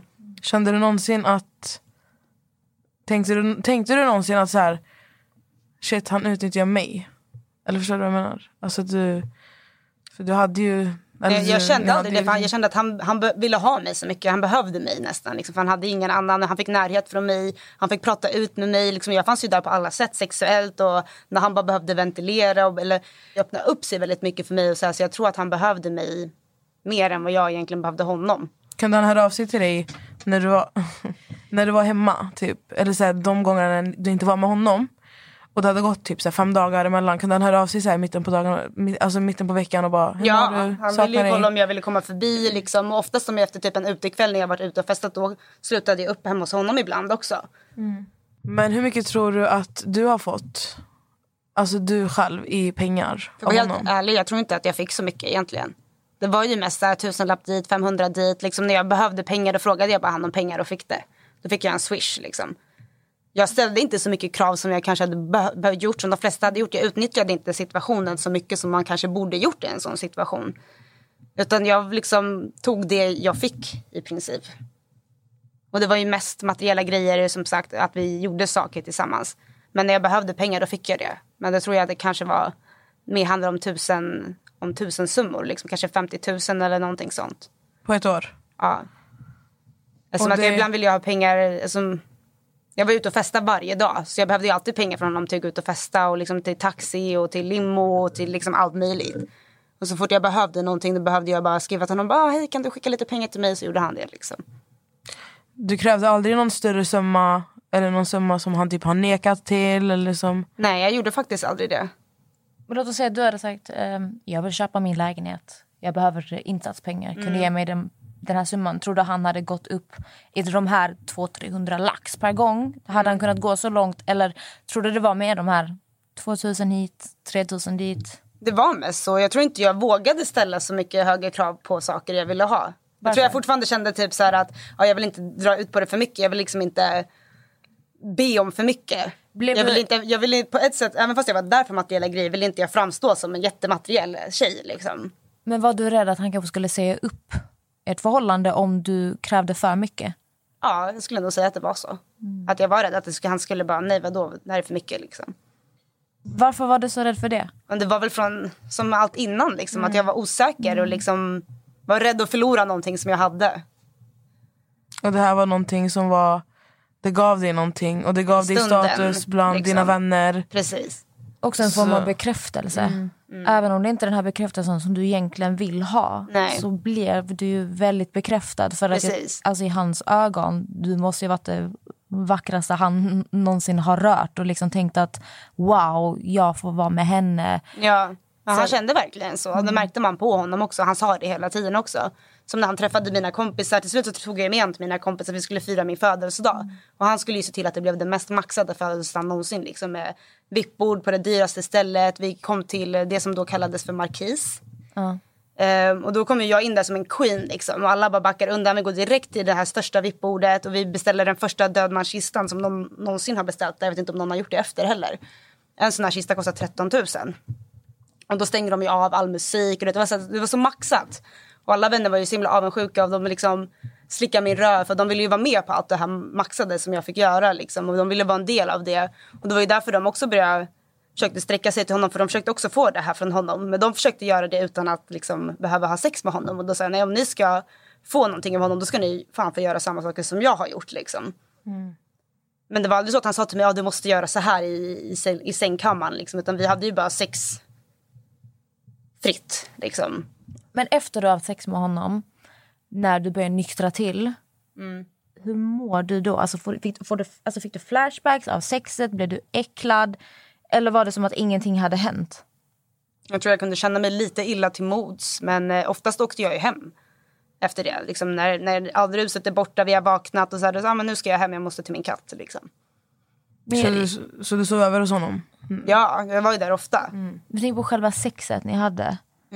Alltså vad var det för typ av sex? Var det typ så att han hade konstiga fetischer?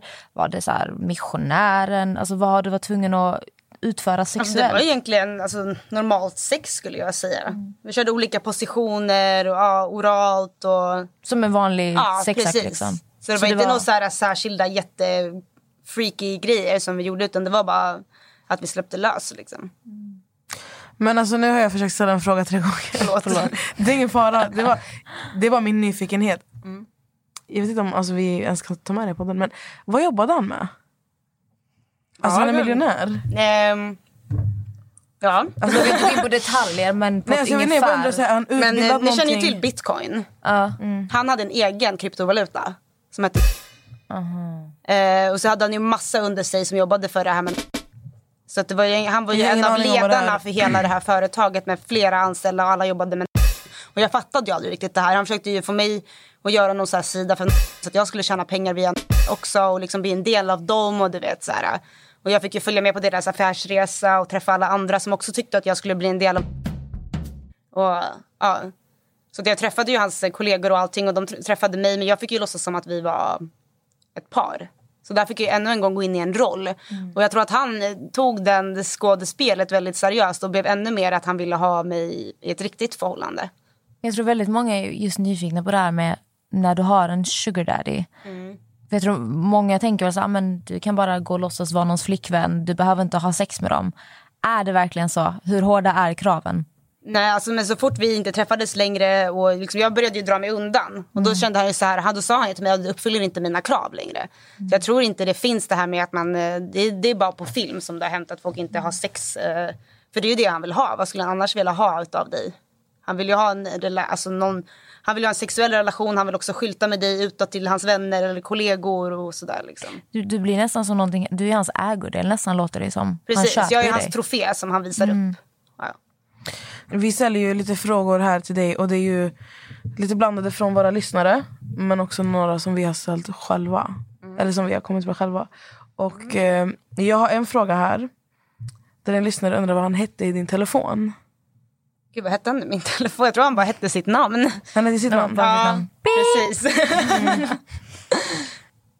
Vad tyckte dina föräldrar om det här? De hade ju ingen aning om det här. Det Var inget, nej, nej gud, ska jag berätta för dem att jag har en sugar daddy? Jag berättade ju för dem om typ helikopterresor och sånt men jag sa ju att det var en äldre man som jag dejtade. Men jag märkte på min mamma att hon var lite så här, hmm, hon kan inte riktigt säga någonting. Ehm, så hon var bara så här, "Ha, varför vill han vara med dig? Han är så äldre. Jag bara, nej men det är bara, vi bara, vi bara träffas liksom. För jag var ju tvungen att säga någonting. För jag la ju upp, till exempel på Facebook, la jag upp videon när jag åkte i helikoptern och allting. Liksom. Men jag sa ju aldrig exakt som det var. Men jag tror att de på något sätt förstod att det var någon typ av sån där relation. Men jag tror min mamma inte riktigt vågade mm, fråga det rakt ut. Liksom, utan hon bara kollade på mig lite skeptiskt. Vad tycker du om all glamofiering kring att ha en sugar daddy?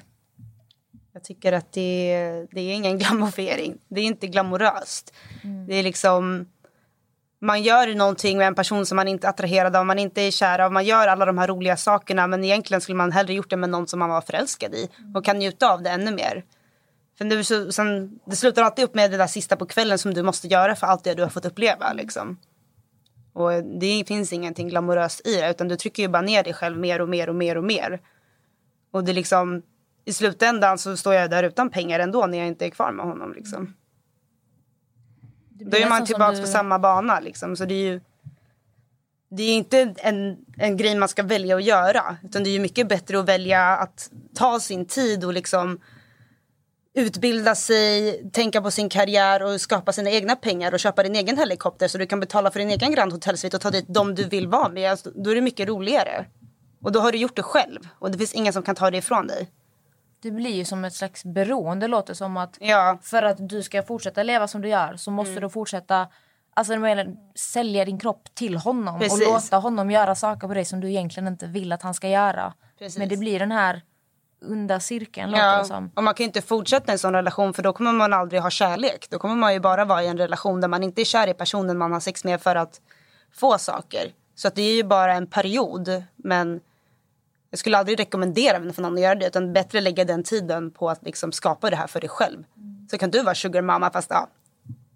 Jag fattar, det ska inte vara det. Men du ska ha de pengarna för dig själv. Du ska inte vara beroende av någon annan. Nej men det låter ju också som att man alltså Istället för att få kärlek till, alltså man får ju kärlek till pengarna. Det är ju det det handlar om egentligen. Exakt, det var ju pengarna. Jag vill ju, jag vill ju typ ha sex med pengar över mig. Typ så. För att det, det var pengarna jag var kåt på. Inte honom. Så när du låg med honom det var bara så här pengar. Ja. Tänk bara på det här. Jag Pengar. klarar det här. Gör Ja. det här? Hur äcklad du än var så var det bara där. Det är Precis. så här du och sen var jag ofta tillräckligt väck för att hinna glömma det. Liksom. Men hur, hur var din självkänsla under den tiden och hur har den alltså blivit efteråt? Typ om du tänker från den tiden till idag. Alltså då mitt självförtroende var väldigt högt då. Men det är nog skillnad på självförtroende och självkänsla. För att jag tror inte jag hade satt mig i den situationen om jag hade den respekten för mig själv och den självkänslan. Då hade jag nog hellre liksom byggt upp någonting för mig själv än att försöka få någonting från någon annan. Så jag skulle nog säga att jag inte hade så bra självkänsla överhuvudtaget. Jag behövde ju den här bekräftelsen. Jag gillade att bli visad som en trofé för då kände jag mig vacker. Då kände jag liksom att jag är, jag är trofévärdig. Liksom. Och hur har det utvecklats till idag? Självförtroende och självkänslan. Känner du att Idag skulle jag aldrig kunna göra något sånt. Idag har jag min självkänsla stark nog, min självrespekt stark nog för att inte göra en sån grej. Jag skulle aldrig kunna eh, trycka ner mig själv så lågt och liksom ge min kropp så där till någon igen som jag inte alls är attraherad av eller har någon typ av känslor för. Så jag känner att det har liksom blivit bättre efter det. Att du har blivit starkare typ? Ja, och vissa saker jag kan tänka på som vi gjorde kan ju få mig att må väldigt dåligt idag och det är ett känsligt ämne att prata om. Men jag tycker att det är viktigt att prata om det ändå för det kan finnas många i samma situation eller med de tankarna jag hade när jag gick in i det från början. Ett poddtips från Podplay. I podden Något Kaiko garanterar östgötarna Brutti och jag, Davva, dig en stor dos skratt. Där följer jag pladask för köttätandet igen. Man är lite som en jävla vampyr. Man har fått lite blodsmak och då måste man ha mer. Udda spaningar, fängslande anekdoter och en och annan arg rant. Jag måste ha mitt kaffe på morgonen för annars är jag ingen trevlig människa. Då är du ingen trevlig människa, punkt. Något Kaiko, hör du på Podplay. Därför är gardinerna. Men är det, är det känslor och tankar som du begraver den här tiden med din sugar daddy? Eller känner du, alltså, vad säger man, alltså kämpar du emot det istället. Utan du, så här, du, tar, du försöker ta itu med att det här har hänt. Jag kan inte göra någonting åt det utan blicka framåt. Idag är det ju mer som att jag har lagt det bakom mig och gått vidare från det. Jag har inte pratat om det på det här sättet på länge. Förut så pratade jag om det väldigt öppet och med många, nästan alla jag träffade pratade jag om det med. Om sugar daddy som sexfester, speciellt om jag typ var lite full. Så kunde jag lätt prata om det här utan någon skam alls. Men idag så tycker jag att det känns lite jobbigt för att jag är inte den personen längre.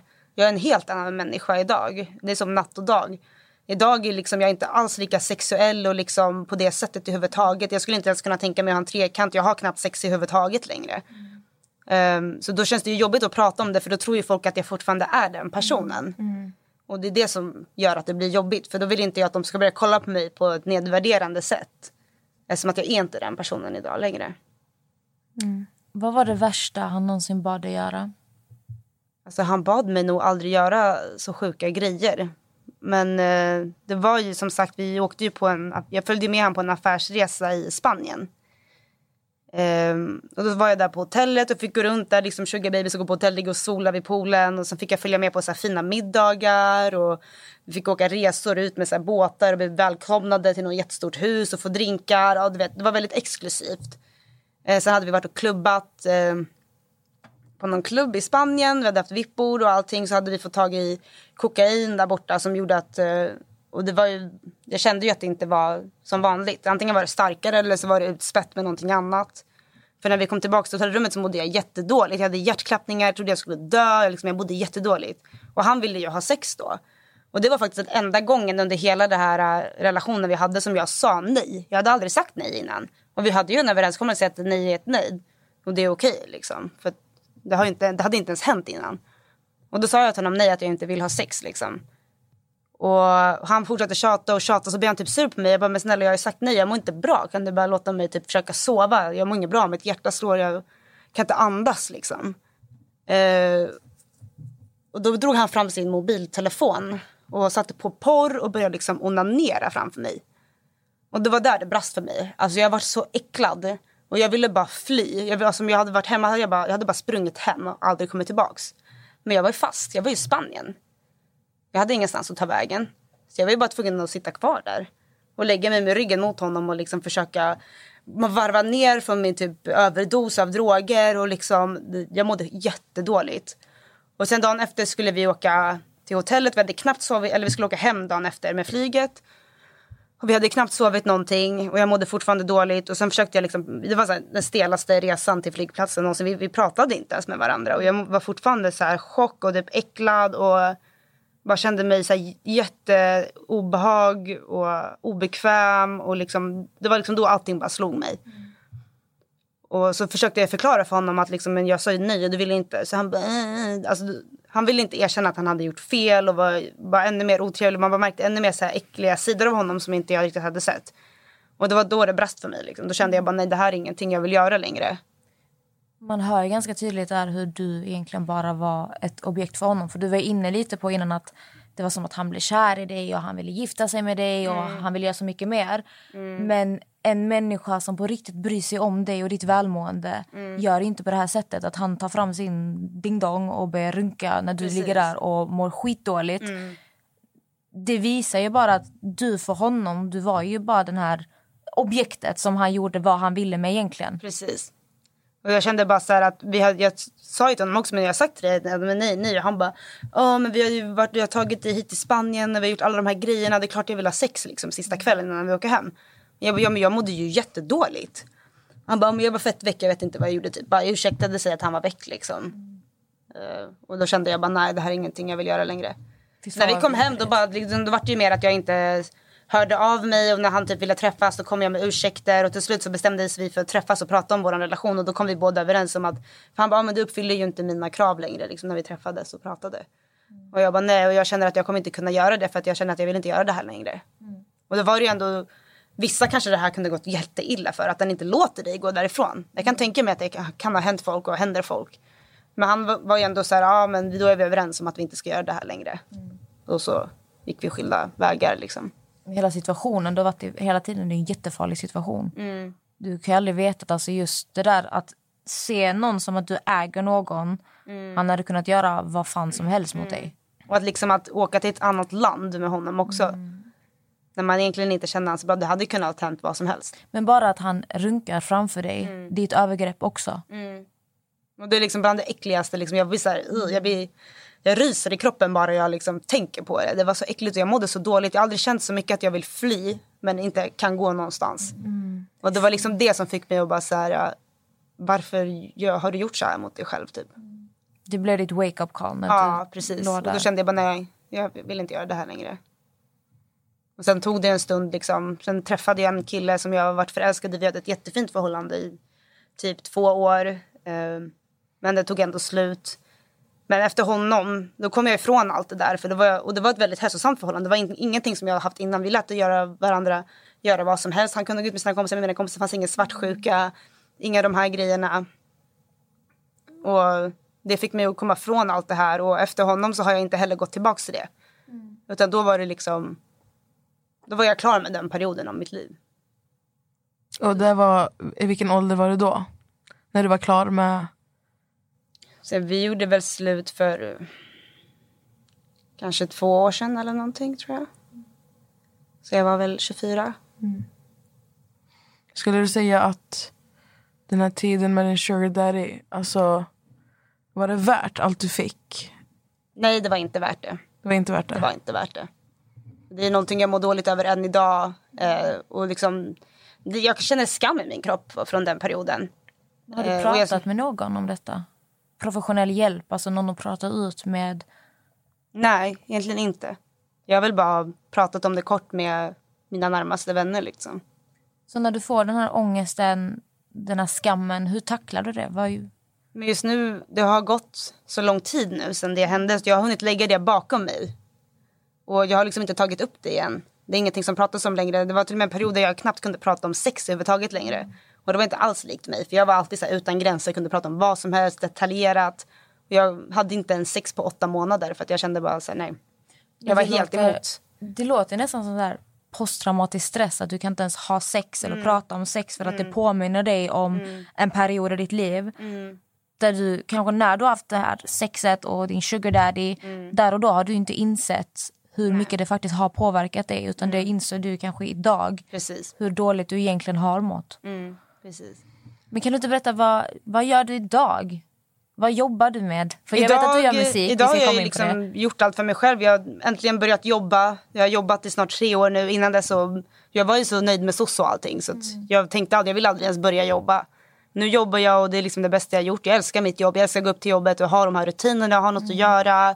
Jag har en lägenhet som inte är från SOS, som är min egen lägenhet som jag Mm. har fått ärligt. Och liksom, nu gör jag musik som jag alltid drömt om att göra och få göra musik. Jag har släppt min första debutsingel som då handlar lite om det här. Den heter Sugar Daddy No. Så den handlar ju lite om, eh, om det här med att inte ha en sugar daddy, att gå din egen väg. Och att du ska göra allt det där för dig själv och inte liksom någon annan ska behöva ge dig det. Liksom. Ja, så jag känner att på nu är jag väldigt bra väg och jag känner att jag är lycklig. Jag är inte alls festa som jag gjorde förut och jag är mycket mer lugn och liksom jag har hittat mer trygghet i mig själv. Börjar lita på mig själv mer och liksom våga försöka göra saker som jag inte trodde att jag... Jag trodde aldrig att jag skulle duga för det innan. Jag trodde aldrig att jag sjöng bra nog eller att jag kunde skriva texter eller liksom... Men med hjälp från No9 som jag gör musik med så har jag ju liksom... De bekräftat för mig att jag är duktig och att jag kan göra det. Och du har ju pushat mig till att göra det ännu mer. Och det är så kul att få kunna göra det. Och jag trodde aldrig att jag skulle få göra det. Liksom. Kul. Mm. Skitkul att höra att du har tagit vändning i ditt liv. Men hur är din eh, relation till din familj idag då? Den är jättebra. Den är jag har också jättebra jättebra. relation. Jag kan nästan prata med båda om vad som helst. Det finns ju liksom inte, jag har ju ingenting som jag döljer längre. Vet dina inte- föräldrar vad, vad som har hänt tidigare? Fick, de... De- reda på, fick din mamma reda på till slut att det var en sugar daddy? Nej, jag har aldrig sagt det rakt ut sådär. Men eh, de märkte ju, jag var ju väldigt frånvarande. Det kunde ta jättelång tid ibland innan jag ens svarade på telefon. Det kunde gå tre månader utan att jag svarade på någon av dem i telefon för jag var upptagen i min drogvärld. Och jag var aldrig nykter nog för att kunna prata med dem utan att de märkte någonting liksom. Så den här låt, låten Sugar Daddy No, Mm. har, liksom, har den hjälpt dig på något sätt att övervinna ditt förflutna. Att det blir som en slags övergång. Att du accepterar, du äger liksom. För jag, jag, som jag förstår det, den här låten handlar ju om att du tar kontroll över ditt liv. Du behöver inte någon Precis. man som styr dig eller liksom tvingar dig göra någonting. Utan du äger Precis. dina pengar, din kropp. Precis, och det är det jag sjunger om. Liksom att, jag sjunger som att jag redan har kommit dit. Att jag liksom, nu tjänar jag mina egna pengar, jag behöver inte dig. Liksom, kolla på mig nu. Jag är den här starka kvinnan, jag är liksom självsäker, jag har bra självkänsla, jag skapar min egen framtid och liksom jag går med stora kliv mot mitt mål. Liksom. Vad är ditt mål? Mitt mål är att lyckas med musiken såklart och få kunna leva på det. Det är det min dröm alltid har varit. Och liksom känna trygghet till mig själv, uppleva mina drömmar och någon gång kanske ha råd att köpa min egen helikopter och åka runt med den. Men jag tycker det är jättefantastiskt att höra Verkligen. vart du är på väg. Vart du har kommit idag och vart du är på väg. Att du hela tiden fortsätter kämpa. För jag tycker det är otroligt intressant att sitta och lyssna på Tack. dig. Och din historia. Och vad som hände under ditt liv. Jag tycker absolut inte att det är någonting du ska känna skam över. Men jag känner verkligen att jag inte har pratat om det här på så länge. Så tänkte jag tanken att det här är min chans att få berätta min historia och få ut det här en sista gång. Så jag verkligen kan gå vidare helt på riktigt. Men också, Och du, få folk att höra, för det, jag kan tänka mig att det finns många i samma situation från när jag var yngre till nu. Liksom, Och att det kanske kan hjälpa dem att tänka annorlunda och välja en annan väg. För den här vägen kommer inte leda dig någonstans. Det är väldigt viktigt. Och det, det som är... Nu kommer det låta fult. Men det som är bra, eller okej bra. Det, det du pratar om, du har varit med om det själv. Så du kan ju verkligen relatera till alltså, att hänga i orten med grabbar. Vara utsatt. Alltså, vet, Ja. Från när man är liten till att börja festa. Börja med, du, vet, du har varit med om allt det här. Precis, Från att vara hemlös till att liksom ha lyxvit spa-rum på Grand Ja, Hotel. precis. liksom jag har levt båda världarna på botten och vad man kan kalla på toppen. Eh, Så det känns som att jag har mycket erfarenhet. Jag kan ibland om jag ser någon hemlös ligga på en bänk då kan jag liksom se mig själv där när jag var liten och nästan börja gråta. Att det, är liksom, det är också någonting som ligger kvar i mig som påminner mig om hur tufft det kan vara också. Men innan vi går vidare så vill jag att du går in lite i dina känslor. Och du ska få säga, du ska ge dig själv råd som du hade velat höra från en vuxen person när du var 15. Jag skulle nog säga till mig själv att sluta tänka så mycket på att imponera på de här grabbarna. För de är ingenting. Och de kommer inte bli någonting. De kommer inte kunna ge dig någonting som du vill ha i framtiden. Lägg den här tiden, de här åren, det är bara några få år av ditt liv att bygga en bra framtid, en karriär. Så kommer du kunna tjäna alla de pengarna som du vill tjäna och göra alla de sakerna du kommer vilja göra och du kommer kunna göra det från dig själv. Och att liksom inte låta folk trycka ner mig. Och inte vara så fast i liksom att tillfredsställa andra och killar och försöka vara det alla vill att du ska vara. Utan var dig själv, gå din väg och bry dig inte. För att de här vännerna, de är inte kvar sen. De är inte kvar idag. De kommer inte vara där sen.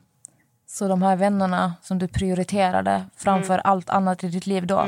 Det är ingen av dem som du har kontakt med idag. Ingen idag har jag kontakt med. Förutom hon min bästa barndomsvän då. Men hon var ju inte en del av den destruktiva gänget som jag var med. Liksom. Så att nej, ingen har jag kontakt med idag. Nej, jag kan ju säga samma sak. att Det finns inte en enda från min högstadietid som jag trodde var mina absolut bästa vänner som skulle ha min rygg genom allt som jag umgås med idag. Mm. Och att man inte fastnar för mycket i det när man är i den här åldern. För det är en otroligt jobbig ålder. Alltså bara vara 15 år gammal. Din kropp gör en sak. Och du måste ha status i skolan. Och du ska sköta skolan. Och det är allting på en gång. Men att man inte försvinner in bland vad andra vill och förväntar sig att du ska vara. Utan att du vågar gå din egen väg. Och lita på den här magkänslan. Som till exempel när du sa att du visste ju ändå att det var ju inte okej att de tog dig på röven eller hur de pratar om det. Du vet ju om att det är fel men du vågar inte göra något. Att du Nej. vågar lyssna på den här lilla, lilla rösten som finns där inne och gå därifrån. Ja, precis. Men man formas ju också så mycket när man är så pass ung. Och jag vet ju, eller jag kan tänka mig nu, i den här, alltså den här generationen, de har ju sociala medier och det är allt möjligt. Och jag, alltså jag läser ju bara vad folk skriver. Hur man, man är så ung så man baserar ju verkligen sitt självförtroende på andra människors tycken. Och det är så jävla farligt alltså. Jag kan ju hålla med om att alltså vännerna man har haft under högstadiet. Så man trodde verkligen så här. Man pratar framtidsplaner, man ska göra det här, man ska resa. Alltså jag har ju inte heller kontakt med typ Alltså någon av dem. Ja. Vi hade ju aldrig de där snacken. Utan min stund i, i Hagsätra, då, jag trodde jag skulle vara där hela livet. Jag skulle bli förortsmamma och fortfarande bo kvar i Hagsätra. Liksom. Det fanns inga större mål. Det var ingen som hade större drömmar. Eller pra, vi pratade inte ens om sånt. Jag tänker bara så här, all tid som jag la på att liksom till mina vänner, om jag hade lagt all den där tiden bara på en framtid till mig själv, då hade mitt liv nog sett helt annorlunda ut idag. Jag kanske redan hade haft allt det där som jag drömt om. Men jag vill bara gå tillbaka lite till det här till din familj när du var 15. Att du bara kände att de var ett hinder för din frihet. Ja, och för mitt missbruk egentligen. Ja. Ja. Och du, in, du, du nämnde ju att du fattade inte att de- det är människor med känslor. Har du insett idag vilken, alltså vad de har fått gå igenom? Ja, och jag har såna skuldkänslor för det. Jag har såna skuldkänslor. Bara jag tänker på så här, hur, vad jag utsatte dem för, hur de måste mått, hur de grät. Min mamma började gå i terapi för att hon visste inte hur hon skulle hantera mig. Hon sa upp sitt nya jobb som var jättebra betalt, chef på något stort företag. För att hon klarade inte av det med hur jag höll på. Hennes förhållande gick sönder på grund av hur jag höll på med en man som hon var tillsammans med i åtta år som bodde hos oss. De gjorde slut på grund av mig. Liksom, jag gjorde så mycket illa för henne och min pappa. Och de hade ingen aning om hur jag mådde, vart jag var, om jag levde ens. Och liksom, idag så mår jag jättedåligt över det. Och jag, ång- jag ångrar hur, vad jag utsatte dem för. Och det är, ju, det är ju också viktigt att ta upp för att när man är i den här, alltså i en sån bubbla där man, där man ser, för jag såg ju också min, min mamma som ett hinder för min frihet. När jag var yngre. Ja, alltså för mig det var så här, vissa perioder i mitt liv jag var så här, alltså, vad håller hon på med? Men alltså det, det, allting, ens föräldrar, inte, nu kan man inte säga att alltså, alla föräldrar är såna för det finns ju alltså, människor till allt. Men de flesta föräldrarna vill ju ens bästa. Ja. Och det är så viktigt att bara kunna så här som 15-åring, 16-åring, du vet upp till fan 25 alltså. Bara sitta ner och reflektera över deras syfte med varför de är så hårda mot dig. Precis. Men jag tror att man är så fokuserad inåt när man är sån ung tonåring. Att man har svårt att se andra känslor. Den här empatin den, den växer nog när man blir äldre. Och att man börjar se utanför sin egen, sitt eget huvud. Liksom, man är liksom här inne, man är stängd i sig själv. Och allting som korsar en, ens vilja är ett hinder, är ett problem. Och det är, man, när man blir äldre så börjar man inse att fan, det är människor. De känner också, de tänker också. Det här påverkar dem. Vad jag gör påverkar dem.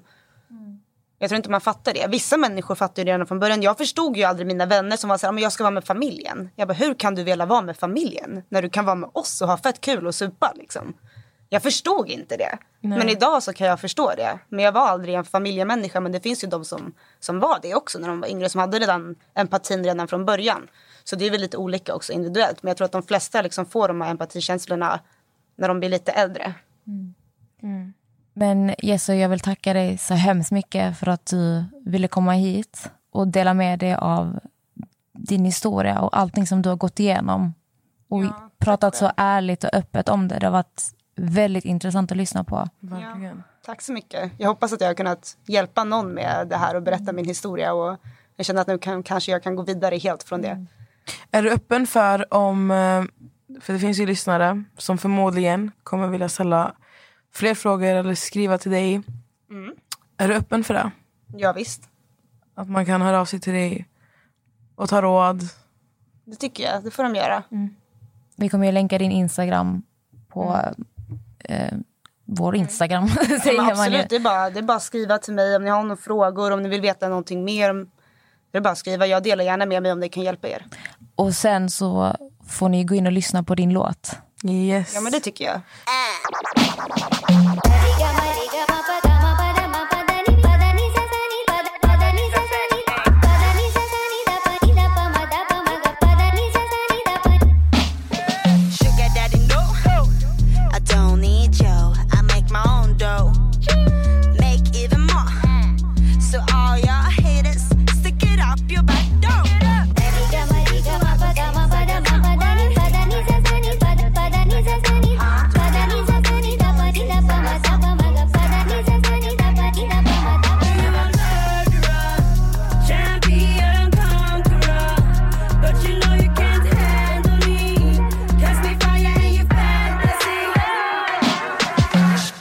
Låt finns ju på Spotify. Det Yes. finns en video på Youtube också. Yes. Sugar Daddy No, Yes. Miss Jesso. Exakt. Miss Jesso, det har varit en ära att få ha dig här. Men nu ska vi vända det här och köra lite lekar med dig. Ja. Vi avslutar med något roligt känner vi. Vi har pratat Ja. så djupt. Så Ja, men det tycker jag.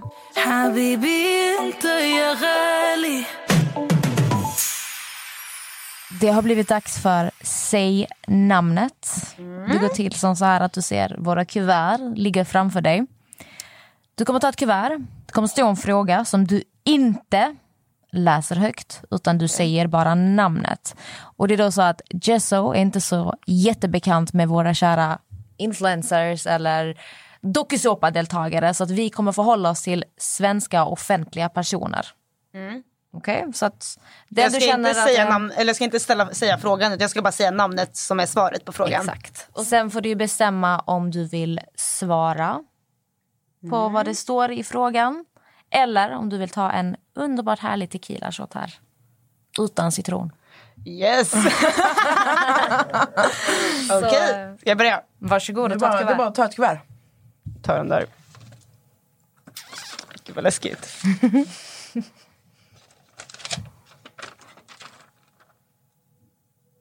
Hmm. Gud vad svårt. um, skulle säga Josef Locko. Nästa han känner du ju. Ja. Jag kan säga vad frågan är. Kör. Ja, vilken influencer tror du har en fetisch i sängen? Oj, oj, oj. Vill du utveckla vad du för fetisch du tror han har? Jag tror han gillar när eh, tjejer sprutar.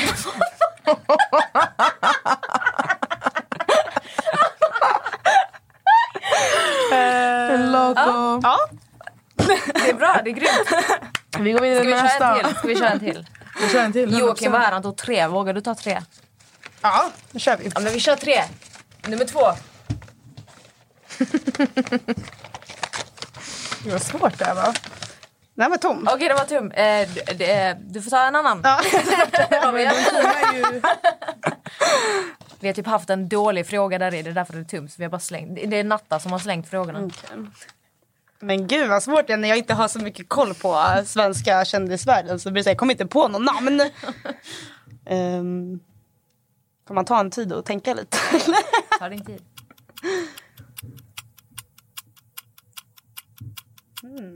Vi säger Moana. Jag kan säga vad frågan är. Vilken influencer eller i mitt fall kändis tror du är bäst i sängen? Jajamän. Vad bygger vi detta på? Jag vet inte, han ser bara fett bra ut. Så det känns som att han har lite moves. Okej, okej. Så vi kör tredje och sista. Ja. Oh shit, vilken ska jag...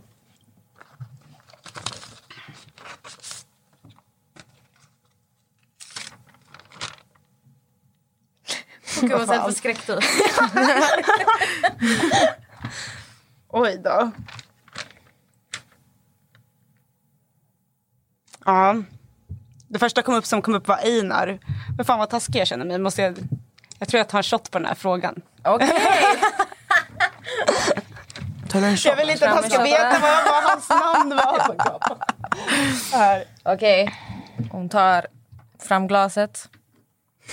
Yes. Jag, shottar, jag, shottar, jag tar shot från flaskan bara. Okej, men kör, kör från flaskan. Det blir bra. Åh fy fan! Åh fy fan! Åh gud vad äckligt det var. Fy. Hade inte gjort detta för 10 000. Men det var värt, jag vill inte, jag vill inte vara så taskig så. Inget salt, ingen citron. Hur känns det i halsen? Okej, men då vet vi att det var ingen snäll fråga. Men Jesso, skitkul att ha dig här. Tack detsamma. Tack så mycket för att du Och ville tack för att jag komma. fick komma.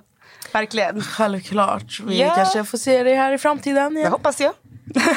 Som sagt, in på Spotify, in på Youtube. Lyssna på Sugar Daddy No med Miss Jesso. Mhm, det tycker jag verkligen. Puss och Och kram. tack till alla som har lyssnat. Ta hand om er. Puss, hej! Puss och kram. Bye! Och tack till Key Solutions som låter oss sitta i er underbara poddstudio. Vi älskar att vara här.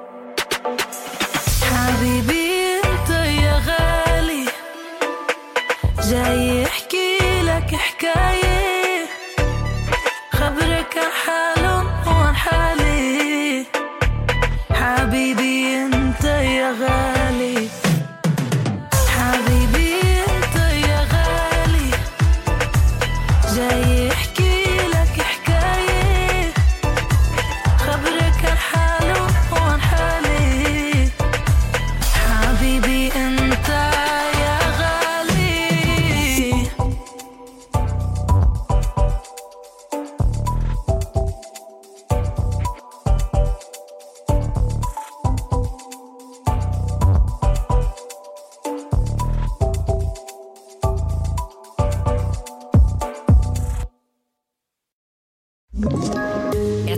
Poddtips från Podplay.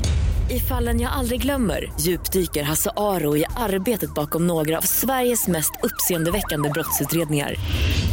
Går vi in med hemlig telefonavlyssning och, och då upplever vi att vi får en total förändring av hans beteende. Vad är det som händer nu? Vem är det som läcker? Och så säger han att jag är kriminell, jag har varit kriminell i hela mitt liv men att mörda ett barn, där går min gräns. Nya säsongen av Fallen jag aldrig glömmer på Podplay.